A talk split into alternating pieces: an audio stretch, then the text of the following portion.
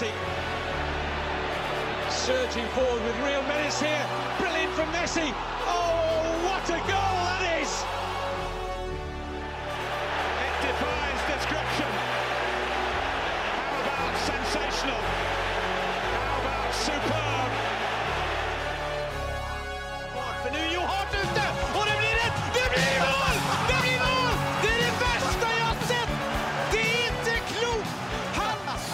Ja da! Velkommen til episode 228 av den talentfulle fotballpodkasten 90 minutter. Etter en liten ukes pause er vi tilbake igjen. Mitt navn er Thomas Edvardsen, og med meg i studio er som vanlig Mats Granvoll. God dag. Og Søren Dupkay. Hallo, hallo. Ja Åssen går det, gutta? Åssen går det? Nå er det kaldt, altså! Det altså! er kaldt og snø, altså. Det er liksom den kombinasjonen jeg absolutt ikke liker. Uh, nå er jeg lei. Ja. Nå er jeg ordentlig lei, altså. Men jeg føler vi har blitt en sånn sytepodkast i forhold til det også. Altså Hver gang det er kaldt og dårlig vær også. Vi, Ja, Men det er jo hver gang nå, da! Det er det. Det er nesten hver gang. Og nå er det meldt 40 centimeter i natt. Er det? Ja. Oh. Vi snakka jo om i forrige episode at nå er det ikke plass til mer snø. og det, Jeg skjønner ikke hvor de skal få gjort av det der altså. Nei, nå kan det gjerne smelte vekk, altså. Ja, jeg, jeg, jeg, møtte jo Dupkersen utafor her idet han uh, elegant lukeparkerte. Når han tok opp døra, så sa jeg det at uh, det- er bare Dupkersen som lukeparkerer på den måten der. Nei, det, det er helt riktig. Det er helt katastrofe. Aldri vært min sterke side, aldri kommer til å bli. Men når jeg møtte Dupkersen utafor her, da, så, så sa han det at nå veit jeg ikke hva jeg vil bli kvitt mest. Snøen og vinteren eller Niko Kovac, og det er ille, Mats. Eh, ja, for Wolfsburg tar jo poeng nå, så da må jo vinteren være rimelig kjip, ja. Ah, Nei, det er cirka like Men Det er litt sånn det, da. Hva som, har mest negative innflytelser på mitt liv, da. Og Nå sitter jeg her på en tirsdag og er fortsatt sur pga. kampen på, på lørdag, men det trekker seg ikke gjennom en hel uke. Nei. Uh, vinteren er litt sånn altså, Når jeg våkner i morgen, kommer jeg til å bli rimelig lei. Jeg legger meg og er rimelig lei. Jeg må sikkert måke fram bilen når jeg, vi er ferdig med innspilling, så der blir jeg blir lei. Det er mye mer litt sånn innflytelse på det dagligdagse, men samtidig vet jeg at vinteren på et eller annet tidspunkt forsvinner av seg sjøl. Det gjør ikke Nei, Kovac. det, ser langt etter, tror jeg. Men altså, bare det å ta seg til den lokale butikken nå er jo som en Amundsen-ekspedisjon. Det er jo Du veit jo aldri hva du møter på, og utfordringene står i kø. Det er, det er, det er voldsomt, altså. Ja, nå er jeg enig, nå syter vi fælt. altså. Jeg hørte, hørte jeg det sjøl. Butikken er kanskje 50 meter oppi her. Og det er tungt. Ja, det er Det er slitsomt. blytungt. Ja, men altså, når jeg dro til jobben i dag, var det 28 minus. 28 minus! Altså, det røsker både her og der. Ja, det blir ikke galt. Forrige helg var det jo 32. Ja. Åh. Men vi er jo ikke her for å snakke om eh, været. Eh, Vi er her for å ta et spørsmål fra vår kjære eh, Geir Halvor Kleiva. Jeg syns denne var litt artig. Hvilken rett er så god at du godtar å bli matet av en annen voksen mann? uh, uh, ja, det er ikke noe suppe, i hvert fall. Det tror jeg du skal droppe. Uh, Pølse? ja, med, med sennep og ketsjup. Ja, fader, hvem rett er så god? Du liker jo den der fleske... Hva er det het? Nei, det er skjell. Skjell og reker, ja. Ja, ja. kunne du bli mata Nei, men det fins jo ikke så Altså, jeg er, jeg er ikke noe sånn derre superglad Det er ikke noe sånn mat jeg bare tenker at åh. Nei? Men skjell og reker, ja. Det, og det er ikke så sølete heller, så det hadde kanskje funka. Hvis du får den sausen. Ja, den, hvite, den hvite sausen ser, ser ikke bra ut, kanskje. Defker, eh, har du noe matrett i Kleiv her, eller? Nei, det Åh. Det, jeg er jo glad i mye, men at det er så god Altså at Det vil jo ødelegge retten. Ja, det er litt det, da. Uh, det, nei, jeg, jeg, Currywurst. En god lang en.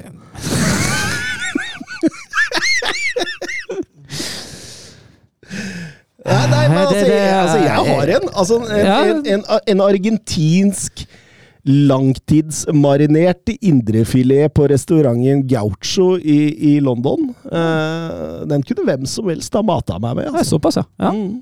Det høres godt ut, det skal jo sies. Ja, det er, det, er, det er standard hver gang jeg er over det, så det, det er Husker jeg var der med en kompis en gang, så det er jo litt dyrt. ikke sant? Det er jo fasjonabelt. ikke sant? I nydelig strøk i London. Flotte, flotte beliggenhet, nydelig interiør. Altså alt er til rette der for en god helaften. Og, og, og når jeg hadde med meg en kompis dit en gang, så sa vi jo at vi, vi får ta oss råd til en tur på Gaucho, liksom. Det blei fire. Så eh, nei. Det er å anbefale hvis du er over en tur. Ja, det skal jeg huske neste gang jeg er det. Mm. Men eh, skal vi bare kjøre, eller? Ja. Starter vel i London nå? Ja.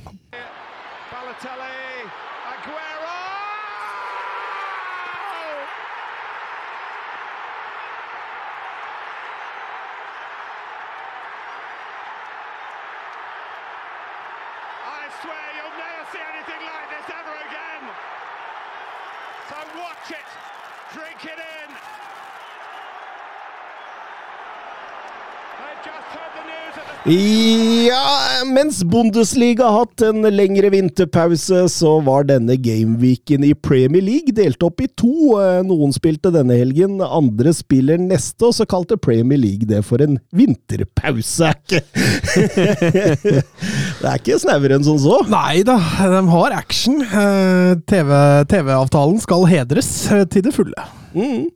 Og, og TV-avtalen denne helgen den begynte på Stamford Bridge mellom eh, Chelsea og Fulham, en Pochettino som sånn sakte, men sikkert begynner å få flere og flere kan du kalle det negativ stemning imot seg her? Eh, Tapet mot Middlesbrough, det hjalp ikke på.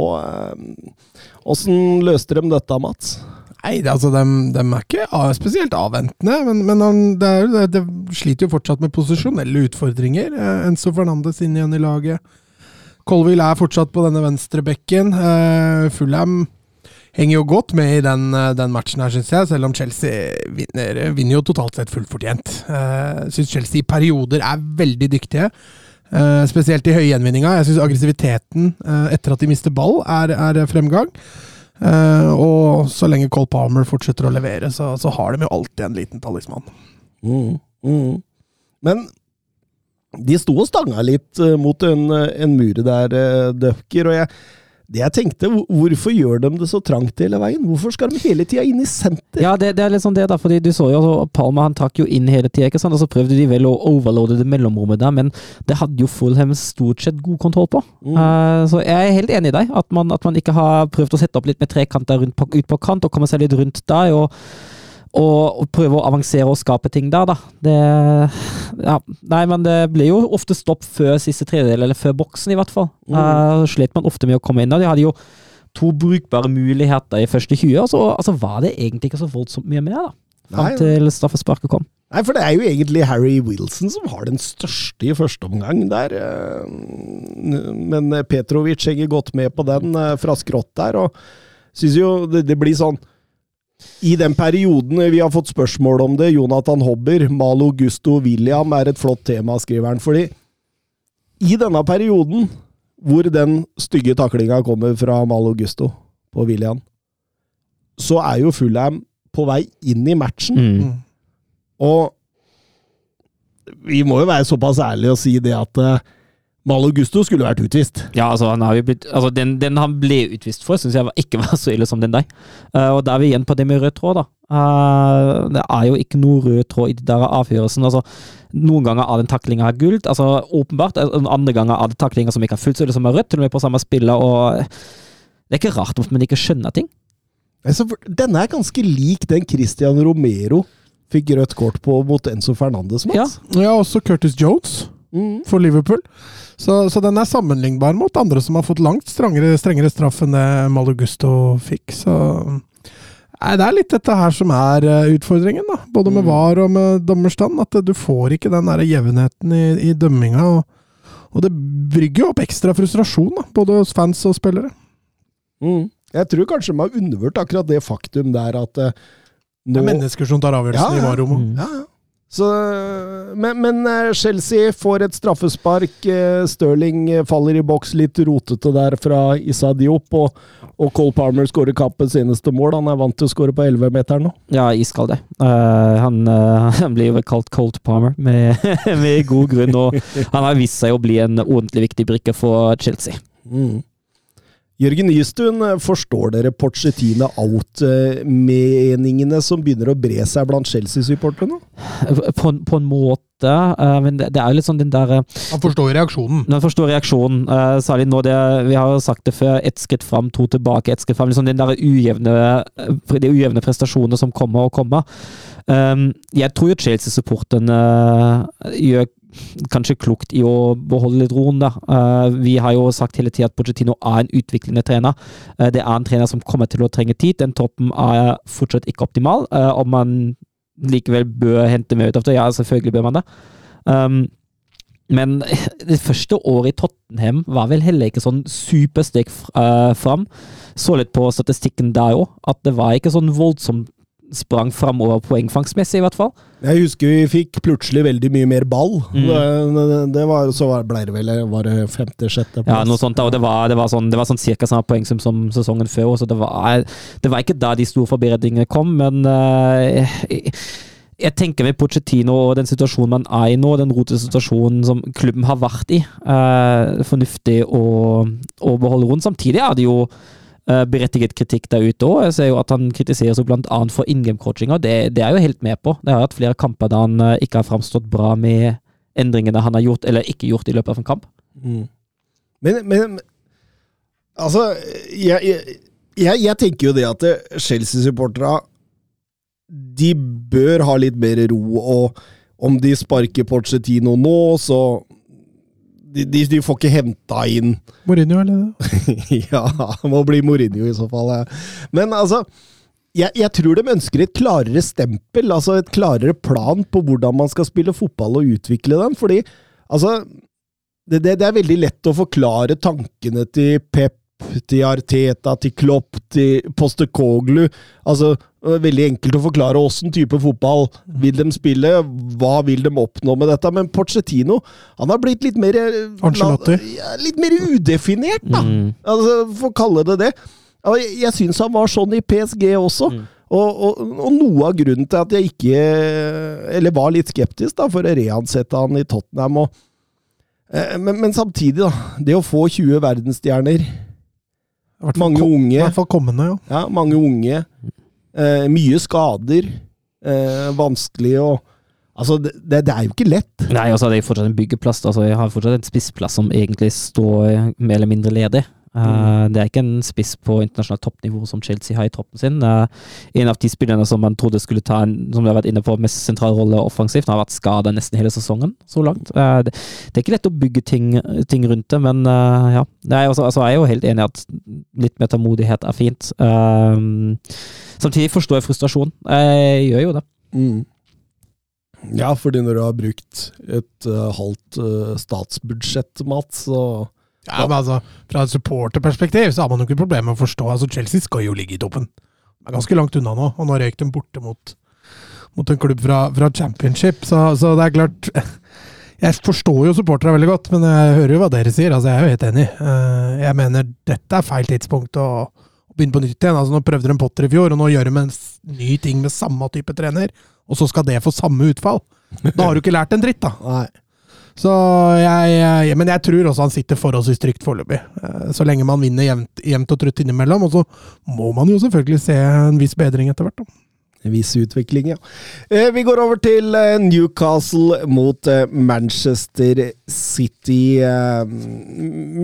Møter jo et Newcastle her, City, som har fått det veldig tungt. Champions League-deltakelse, skader. Altså, det har røyna på, og de, de er faktisk sist på formtabellen i Premier League. Det er ganske dramatisk, egentlig, for en så hardtsatsende klubb. og, eh, og eh, du, du kan jo si at de kommer eh, ut på matta her med en, en visst initiativ, viss glød i en fire-fem minutter, og så, og så tar bare Manchester City fullstendig over. Ja, vi kan jo nevne den første situasjonen. Det er den, det tunge flagget som koster Ederson-kampen. Eh, enda et argument mot vei. Ja, Eh, for det, det, det blir nok av dem. Ja. Nei, men det er jo det, er jo det som, som man har sagt lenge, at tunge flak de medfører i verste tilfelle skader. Uh, og her var det jo offside. Så Mm. det var ikke noe å ha tungt flak for. Uh, det som må jo ut da etter sju minutter. Men jeg er helt enig, altså de kommer jo ut i voldsomt høyt press, aggressivt. Kommer, prøver å komme seg inn i baklinja bak City. Um, og så ta, ta, altså kjører jo City. Uh, og City eier banespillet, City eier også sentrum. Newcastle klarer aldri å stenge av pasningsveiene inn i mellomrommet, og City kommer seg inn dit gang på gang. Doku trekker inn der, eh, Foden trekker inn der, og gode bevegelser. og det, er, det, det var vanskelig å se for seg hvordan Newcastle skulle stå imot hvis de ikke fikk stengt det rommet der. Mm. Og, og, og man merka jo i denne perioden også at, eh, at de slet med å kjøre overganger. Altså City var ekstremt gode i kontradekkinga der. Ja. Så, men så kom jo Bernardo Silvas 1-0-skåring. Den måtte jo komme, men skulle Newcastle og Anthony Gordon hatt et lite frispark i forkant? Ja, jeg syns det. da. Eh, det. Jeg tenkte litt på den der Bale mot Det var vel mot, eh, mot Herregud, Batra. I den der uh, kopperfinalen. Det så litt sånn ut som samme greia, og så prøver de altså å unngå å se ut som uh, Mark Batra i den situasjonen. Og blokker han med, med armen. Armen går ut og, og holder Gordon, så jeg, mener mener det er klart frisparket. Mm. Det mener ikke VAR, i hvert fall ikke clear and obvious. så Nei, det- og det, men det er jeg enig i. Jeg syns det er bra at VAR ikke går inn på den. For jeg syns ikke den er veldig enig med Søren. Det er jo et frispark, så hvis dommeren tar den, så er det jo greit. Men at VAR skal inn og gjøre om med den, det, det, det, er det hadde jeg ikke vært enig i. Nei, absolutt. Og da, da etter 0-1 også, så kjører City på. altså Bernardo Silva har en god sjanse, Guardiol, eh, Julian Alvarez eh, De kjører på for 0-2. Og så plutselig får Newcastle satt kontringene sine, Mats. Og hvorfor eh, får de plutselig satt kontringene? Nei, altså de har jo Altså presisjon er selvfølgelig eh, Selvfølgelig det, og, eh, det essensielle her, men, men plutselig så får de også overtall både bredt. De kommer tidligere med kanta. Gordon begynner å jukse litt, grann, som gjør at han plutselig får litt mer rom. Eh, og, og så er det jo det at de, de setter den med Isak der, da. Altså det, det blir sånn der, euforisk følelse som gjør at ok, nå er vi tilbake igjen. Og så får de en rett etterpå som er ganske lik, og så Altså, jeg syns de er i hvert fall dyktige i forhold til, forhold til å skape overtall bredt da, når de kontrer, og få ballen ut bredt før de går inn sentralt igjen. Mm. Ja, absolutt. Og kanskje også hakket bedre til å vende i overgangene. Altså, du ser flere ganger så slår de bare blindt rett ut. Og, og, og med en Almiron, med en Gordon, med en Isak, så, så, så blir det jo farlig. Ja, det går fort. Så er flinke ballbehandlere. Altså, det er litt det du sier, når den første pasningen treffer, så blir det jo mye farligere med en gang. så at presisjonen gikk opp der, det, det var selvfølgelig helt, eh, helt avgjørende. Og så tror jeg City ble litt sjokka. Mm. Når de først fikk den 1-1 der, så var det oi. Og så går de på samme blemma en gang til. Sir Jameses koker. Mm. Det kokte litt for Rodri og Gimares òg. Ja, eh, Ja, Rodri var litt på kanten. ja men Jimarez var jo også heldig at han fikk se andre omgang fra Ja, banen. Også. ja. For det er jo egentlig han som, eh, som tråkker på foten til Roddy, og det er egentlig hans andre gule kort etter regelboka. Så egentlig skal han jo ut der. Ja. Og så koker det over for Roddy. Og det er jo det er ikke første gang denne sesongen han har vist at han har litt temperament. Rodri, nei. Ja, ja, ja. Så han eh, er jo en- av verdens aller, aller beste fotballspillere, men han må, han må slutte med å miste hodet så fullstendig i sånne situasjoner. Men det er derfor han ikke byttes ut heller. Hadde det vært hvem som helst annen spiller på City, tror jeg han Ja, hadde ryket. ja, ja. Men, Men- Rodri tror jeg så enkelt at han kan jeg ikke bytte. Nei, han trenger han. Ja, og så tror jeg han stoler på han. At han snakka med han i pausen, og så stoler på han, Ja, rett og men han, han gira seg opp i andre omgang òg. Du så jo det at han var borte og sutra hos dommeren. Hadde Han var, litt, var litt sur. ja, og så hadde noen etterslengere, slengte noen meldinger. Altså, han levde litt på kanten. Altså. For City står jo i annen omgang og dunker huet mot en murvegg her. Ja, det er jo bare City som spiller og leter etter åpninger, og får det jo da etter hvert, da. Jeg skal jo, jeg skal jo bytte til, men uh... Det skal komme inn en rødhåra belgier som uh, ikke har spilt veldig mye denne sesongen, men som viser hvor verdifull han er. for, for en klasse han har. Uh, første frisparket var jo elendig, men så, så viser han seg bare fram og skårer 2-2 på, på vakkert vis og slår en verdensklassepasning til Oscar Bob før 3-2 der på overtid. Tenk det! Oscar Bob ute i Premier League for Manchester City når de trenger poeng! Ja. Men det er kult. Altså, men han er jo, det er litt sånn eh, litt kjipt for ham, da, for nå har jo uh, Jeremy Doku blitt frisk igjen. Uh, og det er jo litt sånn samme spillertype, og Pep Guardiola har nok ikke to av den samme typen på, på banen i ordinære seriekamper. Det er ikke sånn spillertype som Pep, eh, Pep tillater seg å ha to av. Eh, og da ryker jo Doko foran ham i køen igjen, da, men da der bruker han jo den, det, altså den tida han får i den kampen, der bruker han jo helt optimalt. Jeg Jeg syns jo han han er med fra start. Han bidrar fra start, uh, og så avgjør han jo kampen. Og det er noe særlig mer kan man ikke kreve fra en innbytter. Og den tofotsfinta han har da før, eh, før 3-2, den er herlig. Og så skal jo også sies at han holder seg jo faktisk på beina. Han går ikke ned idet taklingen fra Avel Trippier kommer. Mm. Massiv skryt av Guardiola etter eh, kamp. eh, Oscar Bob som ble matchvinner. Han sier eh, 'fantastisk fyr, fantastisk på trening'. Så ung, så dedikert. Og så kan han spille i fem posisjoner. Han kan spille nier, han kan spille ut høyre, han kan spille ut venstre. Han kan spille i det som Guardiola kaller pockets, da, altså i områdene utenfor uh, li løp- mellom indre ja, ja, ja. Eh, Nei, jeg, jeg, jeg, jeg syns han har klart best når han får lov å være på kant og utfordret og komme seg i de én-mot-én-situasjonene. Mm.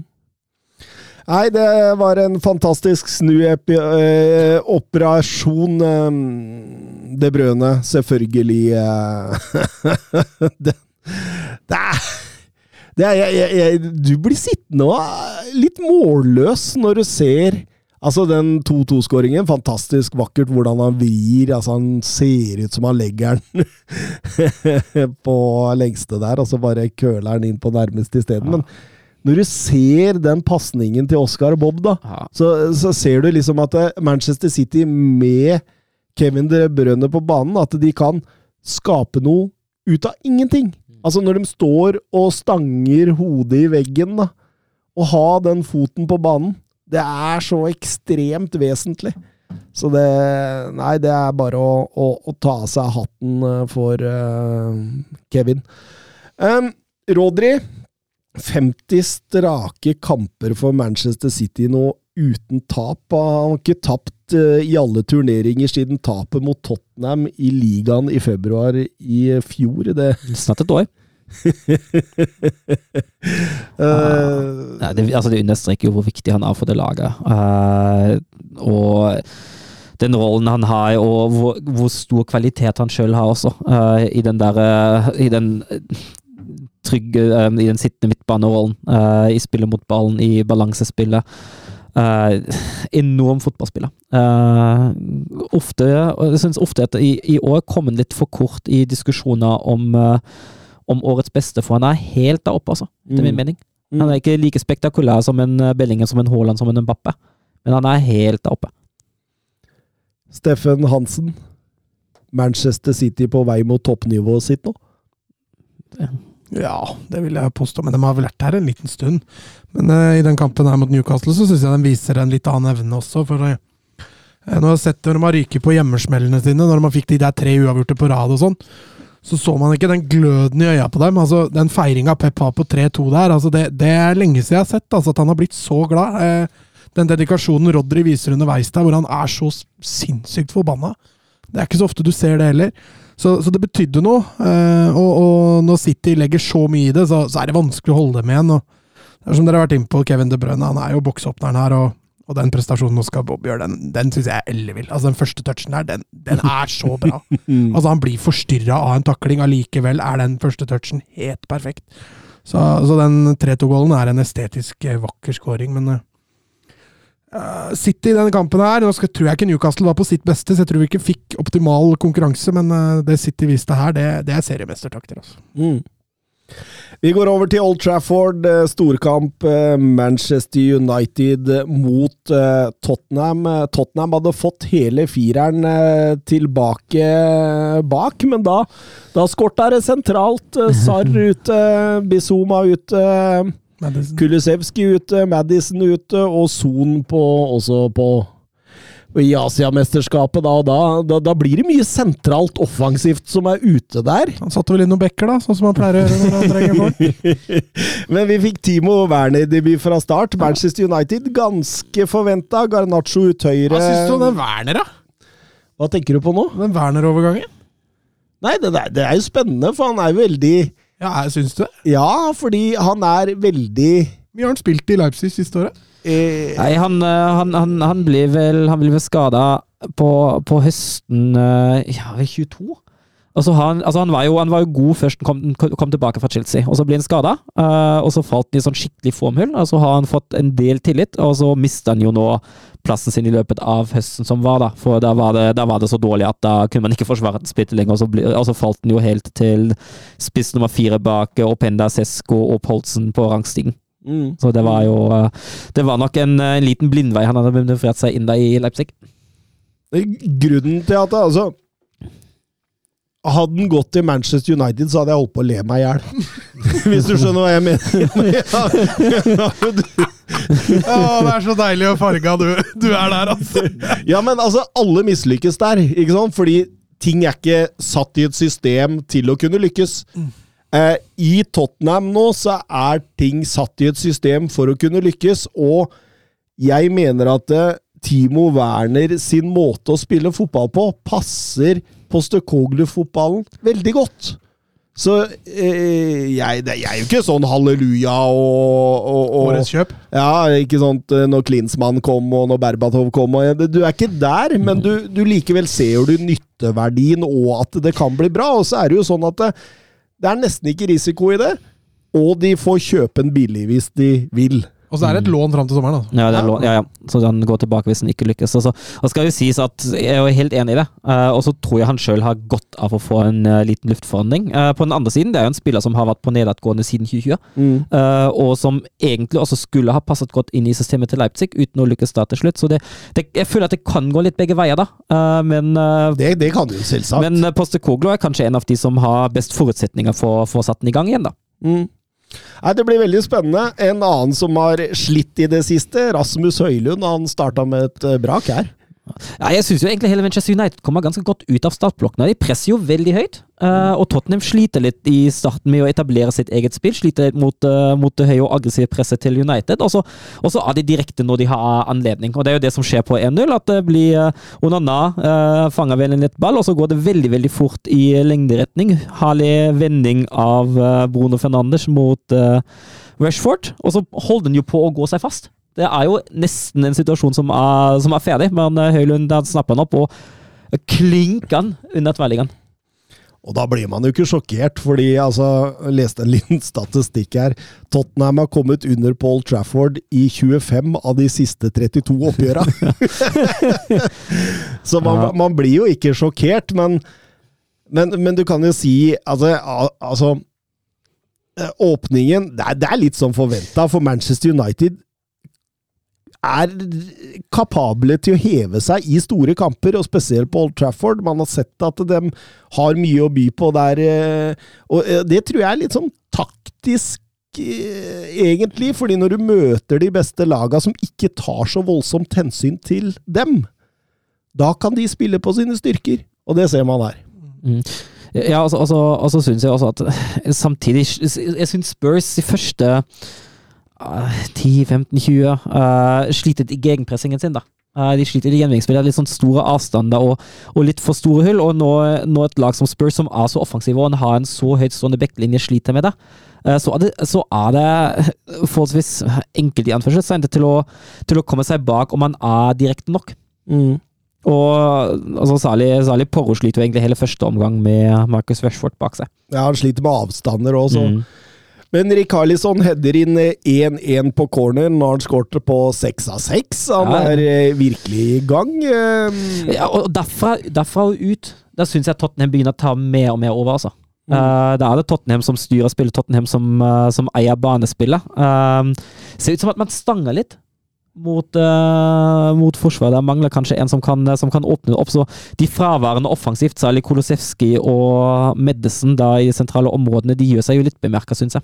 Ja. ja, ja, de stanger litt, men det, det, er jo, det er jo nærmest en liten buss Tottenham møter her. Jeg snakker ikke dobbeltdekker Mourinho her, men en liten sånn uh, van parkert foran. Uh, kan man si noe sånt om Mats? En liten van. Ja, det er jo en liten van. Det er, altså, det er jo balanse. Det, man tenker jo hele tida trygghet, og så direkte opp, direkte opp. ikke sant? Og det, det, er- det, er jo som skapt for å spille mot Tottenham, da. Ja, nei, det syns United er, er, de, er De har vært flinke under Ten Hag også til å ligge dypt. Det, det, det, det har de utvikla. Du ser også Varan begynner å komme i form. da, En Maino som fortsetter å, å være god, så det er ikke lett å bryte ned et United som ligger etablert, eh, etablert def. og eh, Tottenham sliter jo litt med det. da, Det mangler jo den store kreatøren på midten til å, til å løsne opp litt, spesielt da mot etablert. og Når de ikke får kontringsrommene, så, så, så møter man jo gjerne veggen. da, og, og Tottenham eier jo ballen fra som Søren sier da, fra, fra 25 ut. Så er det jo Tottenham som nesten har ballen konstant når United ikke skal kontre. og Eh, nei, det var en tøff nøtt for dem å bryte gjennom der, altså. Ja, og så, så, så ligger det jo litt i ikke sant, at Madison er ute. Uh, Det er jo i og for seg, greit nok. Men så ble Kulusevski sjuk. Og, og han er jo en sånn type bokseåpner eh, på en annen måte. Og så er Lo Celso skada. Mm. Så det er liksom det er alle de kreatørene da, er ute samtidig. Og, men, men likevel, altså de spiller Postekoglu-fotball. De kjører på. De eh, gjør det de kan, og får en skikkelig kalddusj der med Marcus Rashford. eh, Men lar seg liksom ikke affisere. Ja, god prestasjon av Rashford, da, for så vidt. Setter opp den strålende der. Og, og Romero, som er litt, eh, litt rådvill når han snur ryggen til der, så, så er Rashford uh, ditto rask og bra satt. Men eh, jeg er enig. Det var litt mot spillets gang når United gikk opp og Gikk opp og satte 2-1. Da hadde de egentlig mista initiativet de hadde i starten. Eh, og så er det noe velvalgt ord i pausen der, for det går jo ikke lange tida før, før det var 2-2 igjen. Ja, da, da, men da, da er det jo noe med avstander på 2-2, da. Uh, da står jo Altså, førstepresslet til United står jo høyt, og så blir det utrolig mye rom eh, bak dem. Så altså, Skip, han eh, han, han, kunne jo, han kunne jo kjørt bilen sin gjennom det, gjennom det rommet der. Altså det, da, da stemmer det ikke i det hele tatt. Nei, absolutt. Det virka ikke helt våkne, egentlig. Nei, nei, nei. Rett ut fra pause. Hadde Christian Romero hatt en enorme rett før pause der, Ja, i inn i ja. tverra.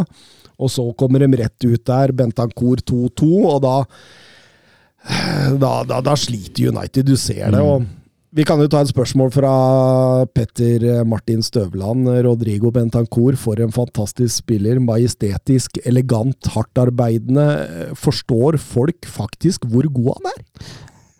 Ja, altså han, eh, han er uten tvil eh, alt det han eh, Alt det Petter Martin Støvland beskriver. Han, han, han viser jo hvor viktig han er, da. For Tottenham-laget, og det har vært en, et stort savn for Tottenham at han har vært, at har vært skada så lenge. Mm. Uh, veldig godt for Tottenham å få han tilbake. Også. og så ligger det litt sånn i spilletypen da, at man gjerne får litt lite skryt da, for Mm. prestasjonene sine. For det er, jo, det er jo de mer offensive og mer målfarlige. Ikke at Bentancour nødvendigvis er veldig defensiv eller lite målfarlig, men eh, han er ikke den spilleren som, eh, som, uh, som runder tre motspillere og setter han i mål. Han er ikke den som slår en eh, Kevin De Bruyne-pasning. Han, eh, han, han har mange kvaliteter. Han er sånn en spiller som jeg føler kan veldig mye ganske bra, da. treneren hans i Uruguay, eh, Marcelo Bielsa, han, eh, Og hvem er det igjen? han sa jo det at det finnes egentlig ingen som er som han. At det, det, det er vanskelig å finne Mm. den type fotballspiller, fordi han er så Hva var det jeg skulle si? At han, jeg tror han er, den mest, han er definitivt den mest komplette midtbanespilleren Tottenham har. da. Han er løpssterk, han er god ferdighetsmessig, han har litt kreativitet, han er en god førsteforsvarer.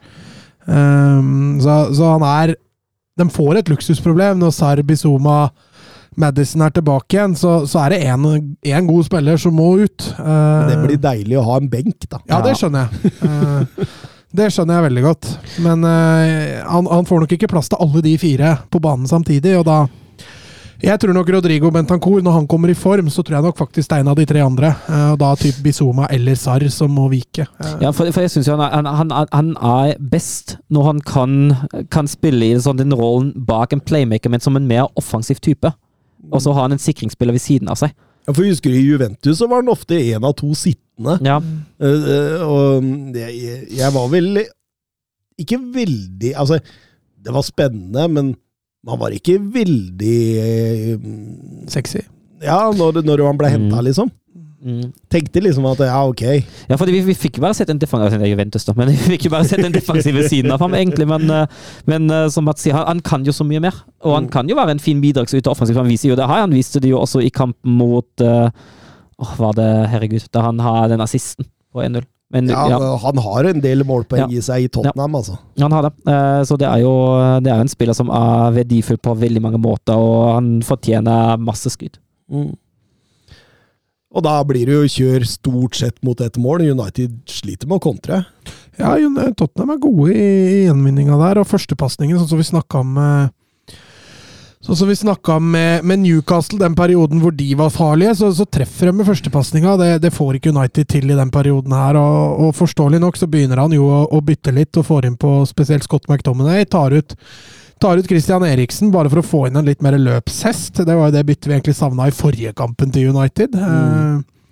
uten at det nødvendigvis uh, gir noe stor forse i form av pasningsspillet, men da får du i hvert fall en kriger inn. Da. Han går jo rett inn og lager frispark, og da tenkte jeg at da, ok, da er det det er beskjeden han har fått. Og så var det gøy å se Lisandro Martinez tilbake igjen. Da. Det skal bli gøy å se eh, Martinez og Varan når de kommer i form igjen. Det skal bli gøy å se åssen forskjell det kan utgjøre. Og så var det Casemiro på benken.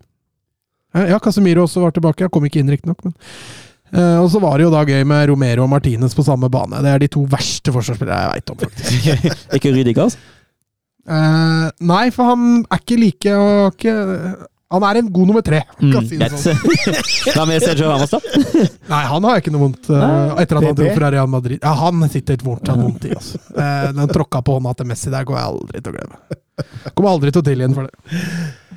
Eh, utenom eh, United har én stor sjanse på overtid der. Eh, McDomney kommer ikke helt opp på et innlegg fra Garnaccio. Da kunne de rana med seg to ekstrapoeng, men Ja, det- 2-2, det, Ja, Jeg ja. tror begge lag var relativt fornøyd likevel. ja, men så de også litt på byttene på slutten. Det var jo ikke akkurat offensive bytter som kom fra Postekoglo heller. Uh, så det så ut som at det var, det var sånn helt greit for begge. Uh, er, jo, er jo forståelig United som møter, møter et godt lag uh, i den situasjonen som de har vært i. Uh, og Spurs som tross alt har en tøff bortekamp på Old Trafford. Så eh, det er nok et resultat som begge to kan leve med. Ja. Tottenham har skåra i 33 Premier League-matcher på rad. Sist de gikk målløse av banen, var mot Wolverhampton i mars i fjor. Det, og, og, og det er ikke bare Postekoglu, dette er Mason og Conto også. Det er inn i den rekka. Ja, ikke så mye konto. Ikke mye konto, Ikke mye konto, nei. det er ikke mye konto, nei. Men at Tottenham har blitt Vi har jo vært inne på det før. At Tottenham har blitt et av de mest underholdende kanskje det mest underholdende laget vi kan se om dagen. Det er helt klart det. Ole Haaland. Eh, Det er, er flere spørsmål. Jeg, tar to i ett, så kan vi diskutere litt rundt det. Ole Haaland eh, først. eh, Må si jeg som Manchester United-supporter er litt lei at vi nærmest parkerer bussen og kun spiller i bakrom. Erik Ten Hag begynner å irritere meg. Dette, det er dette han har fått til på ett og et halvt år. Verst er at mange virker tilfreds. Heldigvis var Gary Neville klar. Eh, hvorfor har de ikke kommet lenger? Og, og André Schjelderup, eh, Manchester United-Tottenham, forteller det meste om Ten Hag. Vært der eh, i over et år, lenger enn Postekoglu har, men Tottenham ser mye bedre ut i alt. Grunnspill, frispilling mot etablert høypress, ja, ja, rett og slett alt. Og det uten omtrent hele midtbanen sin. Er ikke det et gedigent varsku? Ja, men du, har snakka om det før, og du har jo vært inne på det. altså Dette ligger Det ligger ikke bare på å spille ut på matta. Her ligger et ganske mye dypere problem. Uh, med, med, fra ledelsen helt i toppen til helt ned til vaskedama i kjelleren. Så uh, det, det, Vi skal ikke bare peke på det, på det som skjer ute på banen, men, men det er ting her som, som selvfølgelig helt klart er under enhver kritikk. Og når du har hatt et lag i ett og et halvt år, og framgangen har vært null, så, så må, må også treneren se seg sjøl i speilet. fordi spillematerialet han har, er bedre enn de aller fleste klubbene i, i Premier League. og og, og det de viser på matta, da, både mot gode og dårlige lag, det er som de er innpå. Altså de, det er defensiv fotball, det er kontringsfotball. De klarer ikke å spille med etablert. Og øh, hva det sier om Ten Hag Altså, jeg tror Jeg tror han har fått en liten mental sperre oppi huet sitt. At øh, dette er måten vi må Som jeg kan lykkes på.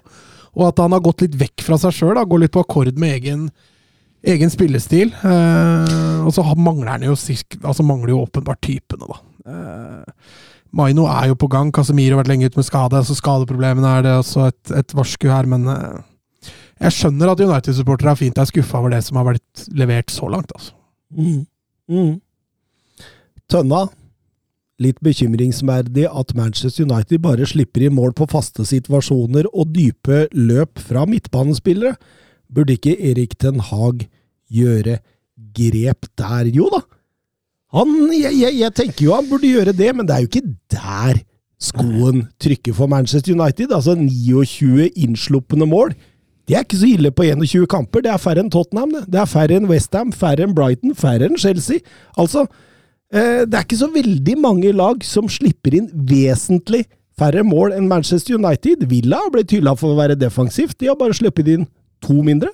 Så, men, men det at de har skåra 24 mål, det er omtrent eh, Altså og, og, omtrent alt av mål har vært på overganger.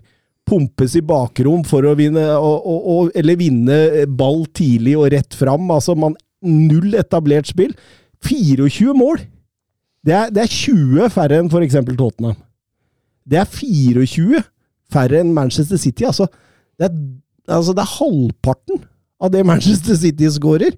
Altså, det, det er vel kun Crystal Palace, Burnley og Sheffield United som har skåret færre mål enn Manchester United i Premier League denne sesongen. Jeg, jeg, tror ikke man skal se så veldig mye på forsvaret her, selv om du kan gjøre justeringer på noen dødballer og sånt der, men Altså, det er jo irriterende å slippe inn på dødball, både som supporter og spiller og, og, og, trener. Det kan jeg skrive under på. for Det, det, før, det blir jo ikke mer etablert defensivt enn en dødball. Uh, så, så, det føles jo veldig unødvendig å slippe inn på dødball. Men så er, er det jo som du sier, det er ikke der skoen kanskje trykker aller hardest nå for United. Det er andre steder man også bør, bør se på. Ja, men det, det, har man ikke funnet løsninger på siden sesongen starta. Og det er liksom det, da. Uh, jeg tipper jo, som du, som du sier da, Mats, altså, det med det mentale sperret, det blir nok uh, Jeg tipper jo egentlig kanskje at det blir utløst av at Ten Har ikke har funnet løsninger mot etablert. Mm. At det er det som har utløst at han, uh, han har sett sjøl at dette har, er ingenting mot etablert. Her sliter vi voldsomt. Ok, annen tilnærming. Bare legge oss bak og prøve å få rom. Mm. Ja, ja. Ja, helt klart. Um, vi kan ta med at Everton og Aston Villa spilte 0-0 i en jevn fotballkamp kamp. Ehm, faktisk er det Una Emrys første 0-0-kamp i Premier League, i hans 97. kamp. Ja, Han klarte det før han passet til 100. Han gjorde det. Eivind Stølen, snakk litt om Klopp sine små justeringer underveis i kampen. Har ofte endt i Liverpool sin favør. Han må få skryt for dette. Har en stor del av æren for at Liverpool er i posisjonen de er i nå. Ja, men det, det har vi også nevnt litt før, vi òg. At han har, han har blitt bedre på på in game coaching. Han har ikke bare den Han hadde jo den periode hvor han bare la om til 4-2-4. Det var backupen eh, når han trengte mål. Nå er det litt mer plassbytter, det er litt mer rotasjon. Plutselig starter han med, med Gakpo som nier, og så bytter han Darwin ut på kant. Så, så han, han, har litt større fantasi, da, både rundt sitt eget system, men også måten han, han forandrer Prøver i hvert fall å forandre kampbildet på. Så han skal absolutt uh, få kred for, uh, for måten han styrer kampene på nå. og det om det er hovedskyld for at Liverpool ligger der de ligger, det, det har ikke jeg noe verken statistikk eller feeling på, men at eh, Liverpool kanskje har tatt noen flere poeng i år fordi han har gjort disse vurderingene, det, det kan godt hende. Ja, det, jeg, jeg, tror nå det. altså Utgangsposisjonen på indreløpere, du ser han justerer veldig de. Eh, har blitt mye mer in game taktisk smart, egentlig, eh, på sine eldre dager. Vi snakka jo om det før, at det var plan A, og hvis ikke det ja. funka, så var det plan A. Men det, det er jo det er kjennetegn på en god fotballtrener. Uh, vi skal jo seinere inn på en uh, som jeg mener ikke har utvikla seg noe særlig siden starten, egentlig. Uh, men sånne, de, de, beste manager som Pep Guardiola, som Jørgen Klopp, og sikkert flere, de utvikler seg hele tida. Uh, og Det er derfor de holder seg i toppen hele tida. Mm. De jobber med svakhetene sine, de finner nye vinklinger, de finner nye måter å vinne kamper på. Uh, og det er det som virkelig utgjør den øverste klassen av managere. Ja, det er glimrende eksempel. Selv om det tok veldig lang tid, så er Trent, Trent Alexander Arnold er et godt eksempel. Mm. Som var fantastisk når han slo gjennom i Liverpool. og og så plutselig fikk han en skikkelig drawback. Alle skulle angripe på hans side. Ja. Alle og så har man gjort om litt på den rollen hvor han da ikke lenger kommer så ofte rundt på kant lenger, men hvor han går inn mer sentralt. Og, og høyre stopper får da litt mer et bredere eh, ansvar defensivt. Så han, han, har prøvd å finne løsninger for å få ting til å funke. Ja, og så, så, så tror jeg ikke vi skal undervurdere det at uh, van Dijk er litt tilbake der han var før skaden mot Everton. Uh, Salah spiller noe av den bedre fotballen han har spilt igjen på på en liten stund. Sist han var i Afrikamesterskapet, kom ikke han tilbake igjen som slakt? Jo, han var helt ferdig. Han tapte finalen. Ja, mot Mané og, og Senegal. Ja, stemmer. Mm. Eh, den midtbanen med Zoboslai, at han har kommet inn der og, og, og begynt, ja, der, der, trenger de den sekseren. Ja, det, så, det, det, det, det gjør de. Men, men, husk hvor sliten den midtbanen var sist sesong. Ja. Mm. Henderson, Fabinho, Oxlade Chamberlain var vel litt innom der. Altså, det, det, det var så tungt og treigt og trått. Mm. Nå har man bytta der man trenger å bytte. Man begynte oppe med å hive ut Firmino og Mané, og så har man begynt på, på eh, midten. Mm. Og, og, og han ser dette her, og det, det, det, er også med på å gjøre Liverpool til topplag igjen. Ingen mm. tvil om det. og Jeg snakka litt med Søren om det før vi gikk ut i studio her, at jeg, jeg føler litt sånn med, med Klopp at eh, det, det, kan bli litt sånn som når Alex Ferguson slutta i Manchester United. At det er, det er litt farlig. Det blir litt skummelt for Liverpool-supportere uten han. Ja, men Er det noen indikasjoner på at han skal slutte? Nei da, nei da. Det er vel ikke det, men Nei, det, det handler jo om at man må, man må, på en måte finne noe når man får altså, Klopp er jo såpass glad i den klubben at han eh, Jeg tipper at han varsler internt i god tid når han skal slutte. Uh, og så har Liverpool da god tid til å finne en erstatter. og Da er det jo viktig å følge den røde tråden man har begynt med. ikke sant? Man kan, man kan jo... Da. Ja, det, det, er ikke helt det samme, altså. ja, men at man, at man, følger på en måte en rød tråd. Man trenger, trenger ikke være helt det samme for all det, men at man følger litt sånn hovedlinjene i det. da.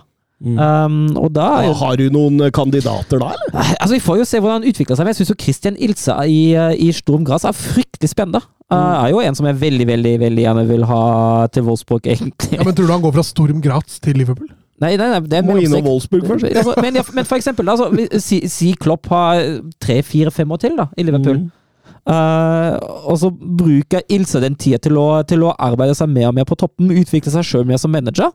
Uh, stilmessig er det jo en som absolutt kan overta for Klopp, så er det, er det jo klart Man må jo se hvordan han utvikler seg som manager, og hvis det stopper på et tidspunkt, og at han, uh, at han er på, på, det nivået der at ja, ja, sånn middelklasse bondesiderklubb er der han er, greit mm. nok. Mm. med Postecoglou? Ja, det er jo altså det er Kvalitetsmessig klart nok, men Jeg tuller på fotball det er turbofotball, men det er, det er, jo en litt annen fotballstil igjen enn det Jørgen Klopp har. Uh, og så ser jeg ikke noen grunn hvorfor Postekoglo nå skal gå fra Tottenham til Liverpool. Nei, det gjør ikke jeg heller. Veldig veldig få trenere som går den veien, tror jeg. Ja, det, det, det, det er ikke hat mellom Tottenham og Liverpool. Nei, nei, nei, men det er, det, er litt sånn Det er ikke som altså, å gå fra Tromsø til Bodø-Glimt. Det er litt samme hylla, da. Ja, det er litt det. Da, hvis, hvis Postekoglo det ser jo det ser veldig lovende ut nå, klarer å etablere Tottenham i, i topp fire og videreutvikle det laget noe mer, så blir det jo et steg mer sidelengs, da. Mm. Uh, og så er de i samme land, men de opplever jo igjen at da, da går igjen til et nytt land for å få en ny utfordring. For hvis Postecoglou lykkes, så tar det jo Tottenham opp dit Liverpool er. Og ja, hvis Postecoglou mislykkes, så blir han jo sannsynligvis ikke aktuell for Liverpool uansett. Mm. Uh, men, men, jeg ser jo tanken din i forhold til rød tråd, fordi det er jo ikke milevis unna Klopp og Postecoglou, og det, det sier de jo også, at de har henta i hvert fall Uh, Poste Koglu da, har jo henta litt inspirasjon fra, fra Jørgen Klopp, uh, som jeg tror veldig mange managere der ute har gjort. Uh, så nei, men det, det, det er kult. Storm Gras-trener, altså da hørte du det først her, altså, hvis, hvis, hvis Ilser kommer til Anfield. Mm, vi, får, vi, får, se. Han, ja, det, er jo nok, det er nok en del år til, tipper jeg. Mm. Jakob Hoff med Premier League, siste spørsmål er Nottingham Forest og nok en gang Everton i søkelyset på økonomisk brudd på regelverket. Manchester City venter dom, Newcastle vurderer salg av stjerne for å vite at de holder FFP-reglene. Hva tenkes rundt alt dette? Altså Først og fremst bra at eh, Premier League følger opp, tenker jeg. Mm. Ja, men jeg avventer med å gi før jeg ser hva som skjer med City. altså. Ja. Fordi vi, de, de, har vært rimelig harde med Everton, øh, og, og de har én tiltale mot seg. altså. Ja, og, og, Vi må, kan ikke regne med at City får 115 når den dommen står, for det er mye kommer til å frafalle. Men uh, det bør bli en rimelig smekk. Og jeg så også Premier League-sjefen var ute nå og snakka om det. Richard Masters. Ja, og Han var ikke nådig. Han sparte ikke noe på mot City, altså, så det ser, høres ikke så bra ut. Ja, det, det, det er jo liksom det, det vi opplever med Financial Fair Play i Uefa. da, Uefa ikke har lyst til å skyte seg sjøl i foten og, og, dele ut noen bøter som lagene egentlig bare ler av, istedenfor å være ordentlig hard og utestenge. For de vet jo veldig godt sjøl nå, hvis, hvis City eller PSG utestenges av Champions League, altså folk har lyst til å se Kylian Kylian Mbappé. Folk har lyst til å se Kevin De Bruyne, folk har lyst til å se Erling Braut Haaland. Uh, det skader bare dem sjøl. Uh, så det står jo Altså, det, det, er virkelig ønskelig at Premier League uh, gjør det de kan, og er like harde mot alle sammen. Ja, absolutt. Og jeg forstår jo for eksempel Everton-supportere, som liksom Hvor blir det av Manchester City-dommen og alt mulig sånt? Men Richard Masters, han Han sier jo det ganske greit her, at eh, Everton-saken var én veldig enkel sak. Ja, Everton var med på å løste opp i det sjøl. Mens Manchester City er 115 annerledes tiltalepunkter. Ja, altså, altså er det sånn at Hvis du blir tatt i fartskontroll og kjører 20 år fartsgrensa, får du bot. Da kan du ikke peke på han ved siden av og si ja, men han kjørte 40 år fartsgrensa. Nei, ikke sant? Du får likevel den boten. Ja. Så eh, det blir veldig veldig spennende. Manchester City-eieren var vel nettopp ute her og sa at jeg kan godt bruke 100 millioner på advokater. Jeg, jeg kommer aldri til å gi meg på dette. Så det, uansett hvilken tiltale det kommer ut her, så vil jo Manchester City kjempe med verdens beste advokater. Eh, så det blir veldig spennende å se hvor man lander til slutt. Men eh, Det skjer ikke i morgen. men nei, det gjør det jo ikke. Men at de tiltalepunktene at de bør være ganske harde. Og jeg tror nok Manchester City skjelver litt i buksa når de hører det Master sier i dag. Mm, mm. Eh, det er sikkert ikke noe godt eh, det, uansett hvor mye muskler du har på, på advokater og, og, og andre ting. Så nei, eh, det blir veldig, veldig spennende, men det kan ta tid. Mm. Mm. Eh, vi kan gå over til La Liga. Ja cap a la dreta Xavi,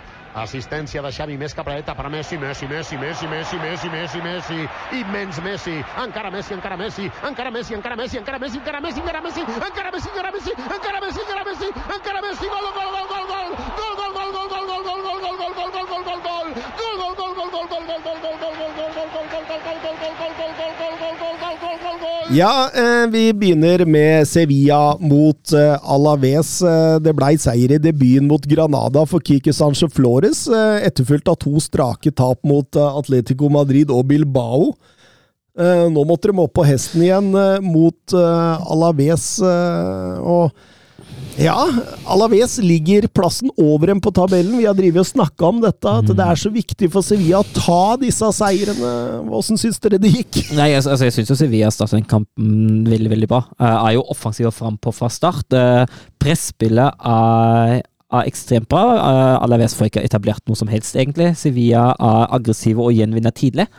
Uh, gode vendinger ut på kant, farlige innlegg i boks skaper jo, skaper jo et par gode muligheter også.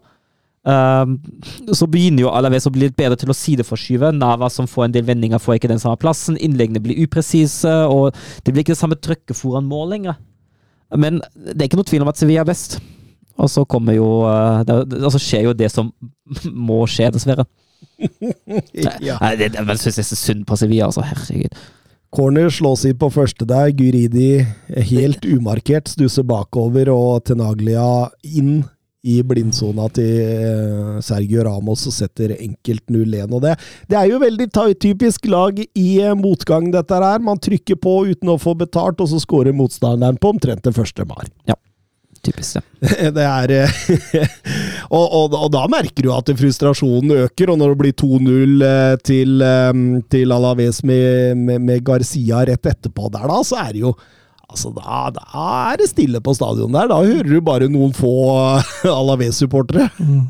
Ja, nei, det var, De fikk fryktelig dårlig betalt i den første gangen. Så altså, ser man jo hvor skjørt det er da, når, når Alaves får den 1-0-skåringa der. Eh, de, de, har ikke tydd til de hvite lommetørklærne ennå. Han, han, har ikke hatt så god tid på seg ennå, Sanchez Flores, men, men man merka at det var en, det var en oppgitthetsstemning på tribunen. og og det er litt sånn som Søren sier der, de er, de er veldig gode, eller veldig gode, de er mye bedre enn Alaves første 20 og kunne fint ha leda både 2 og kanskje til og med 3-0.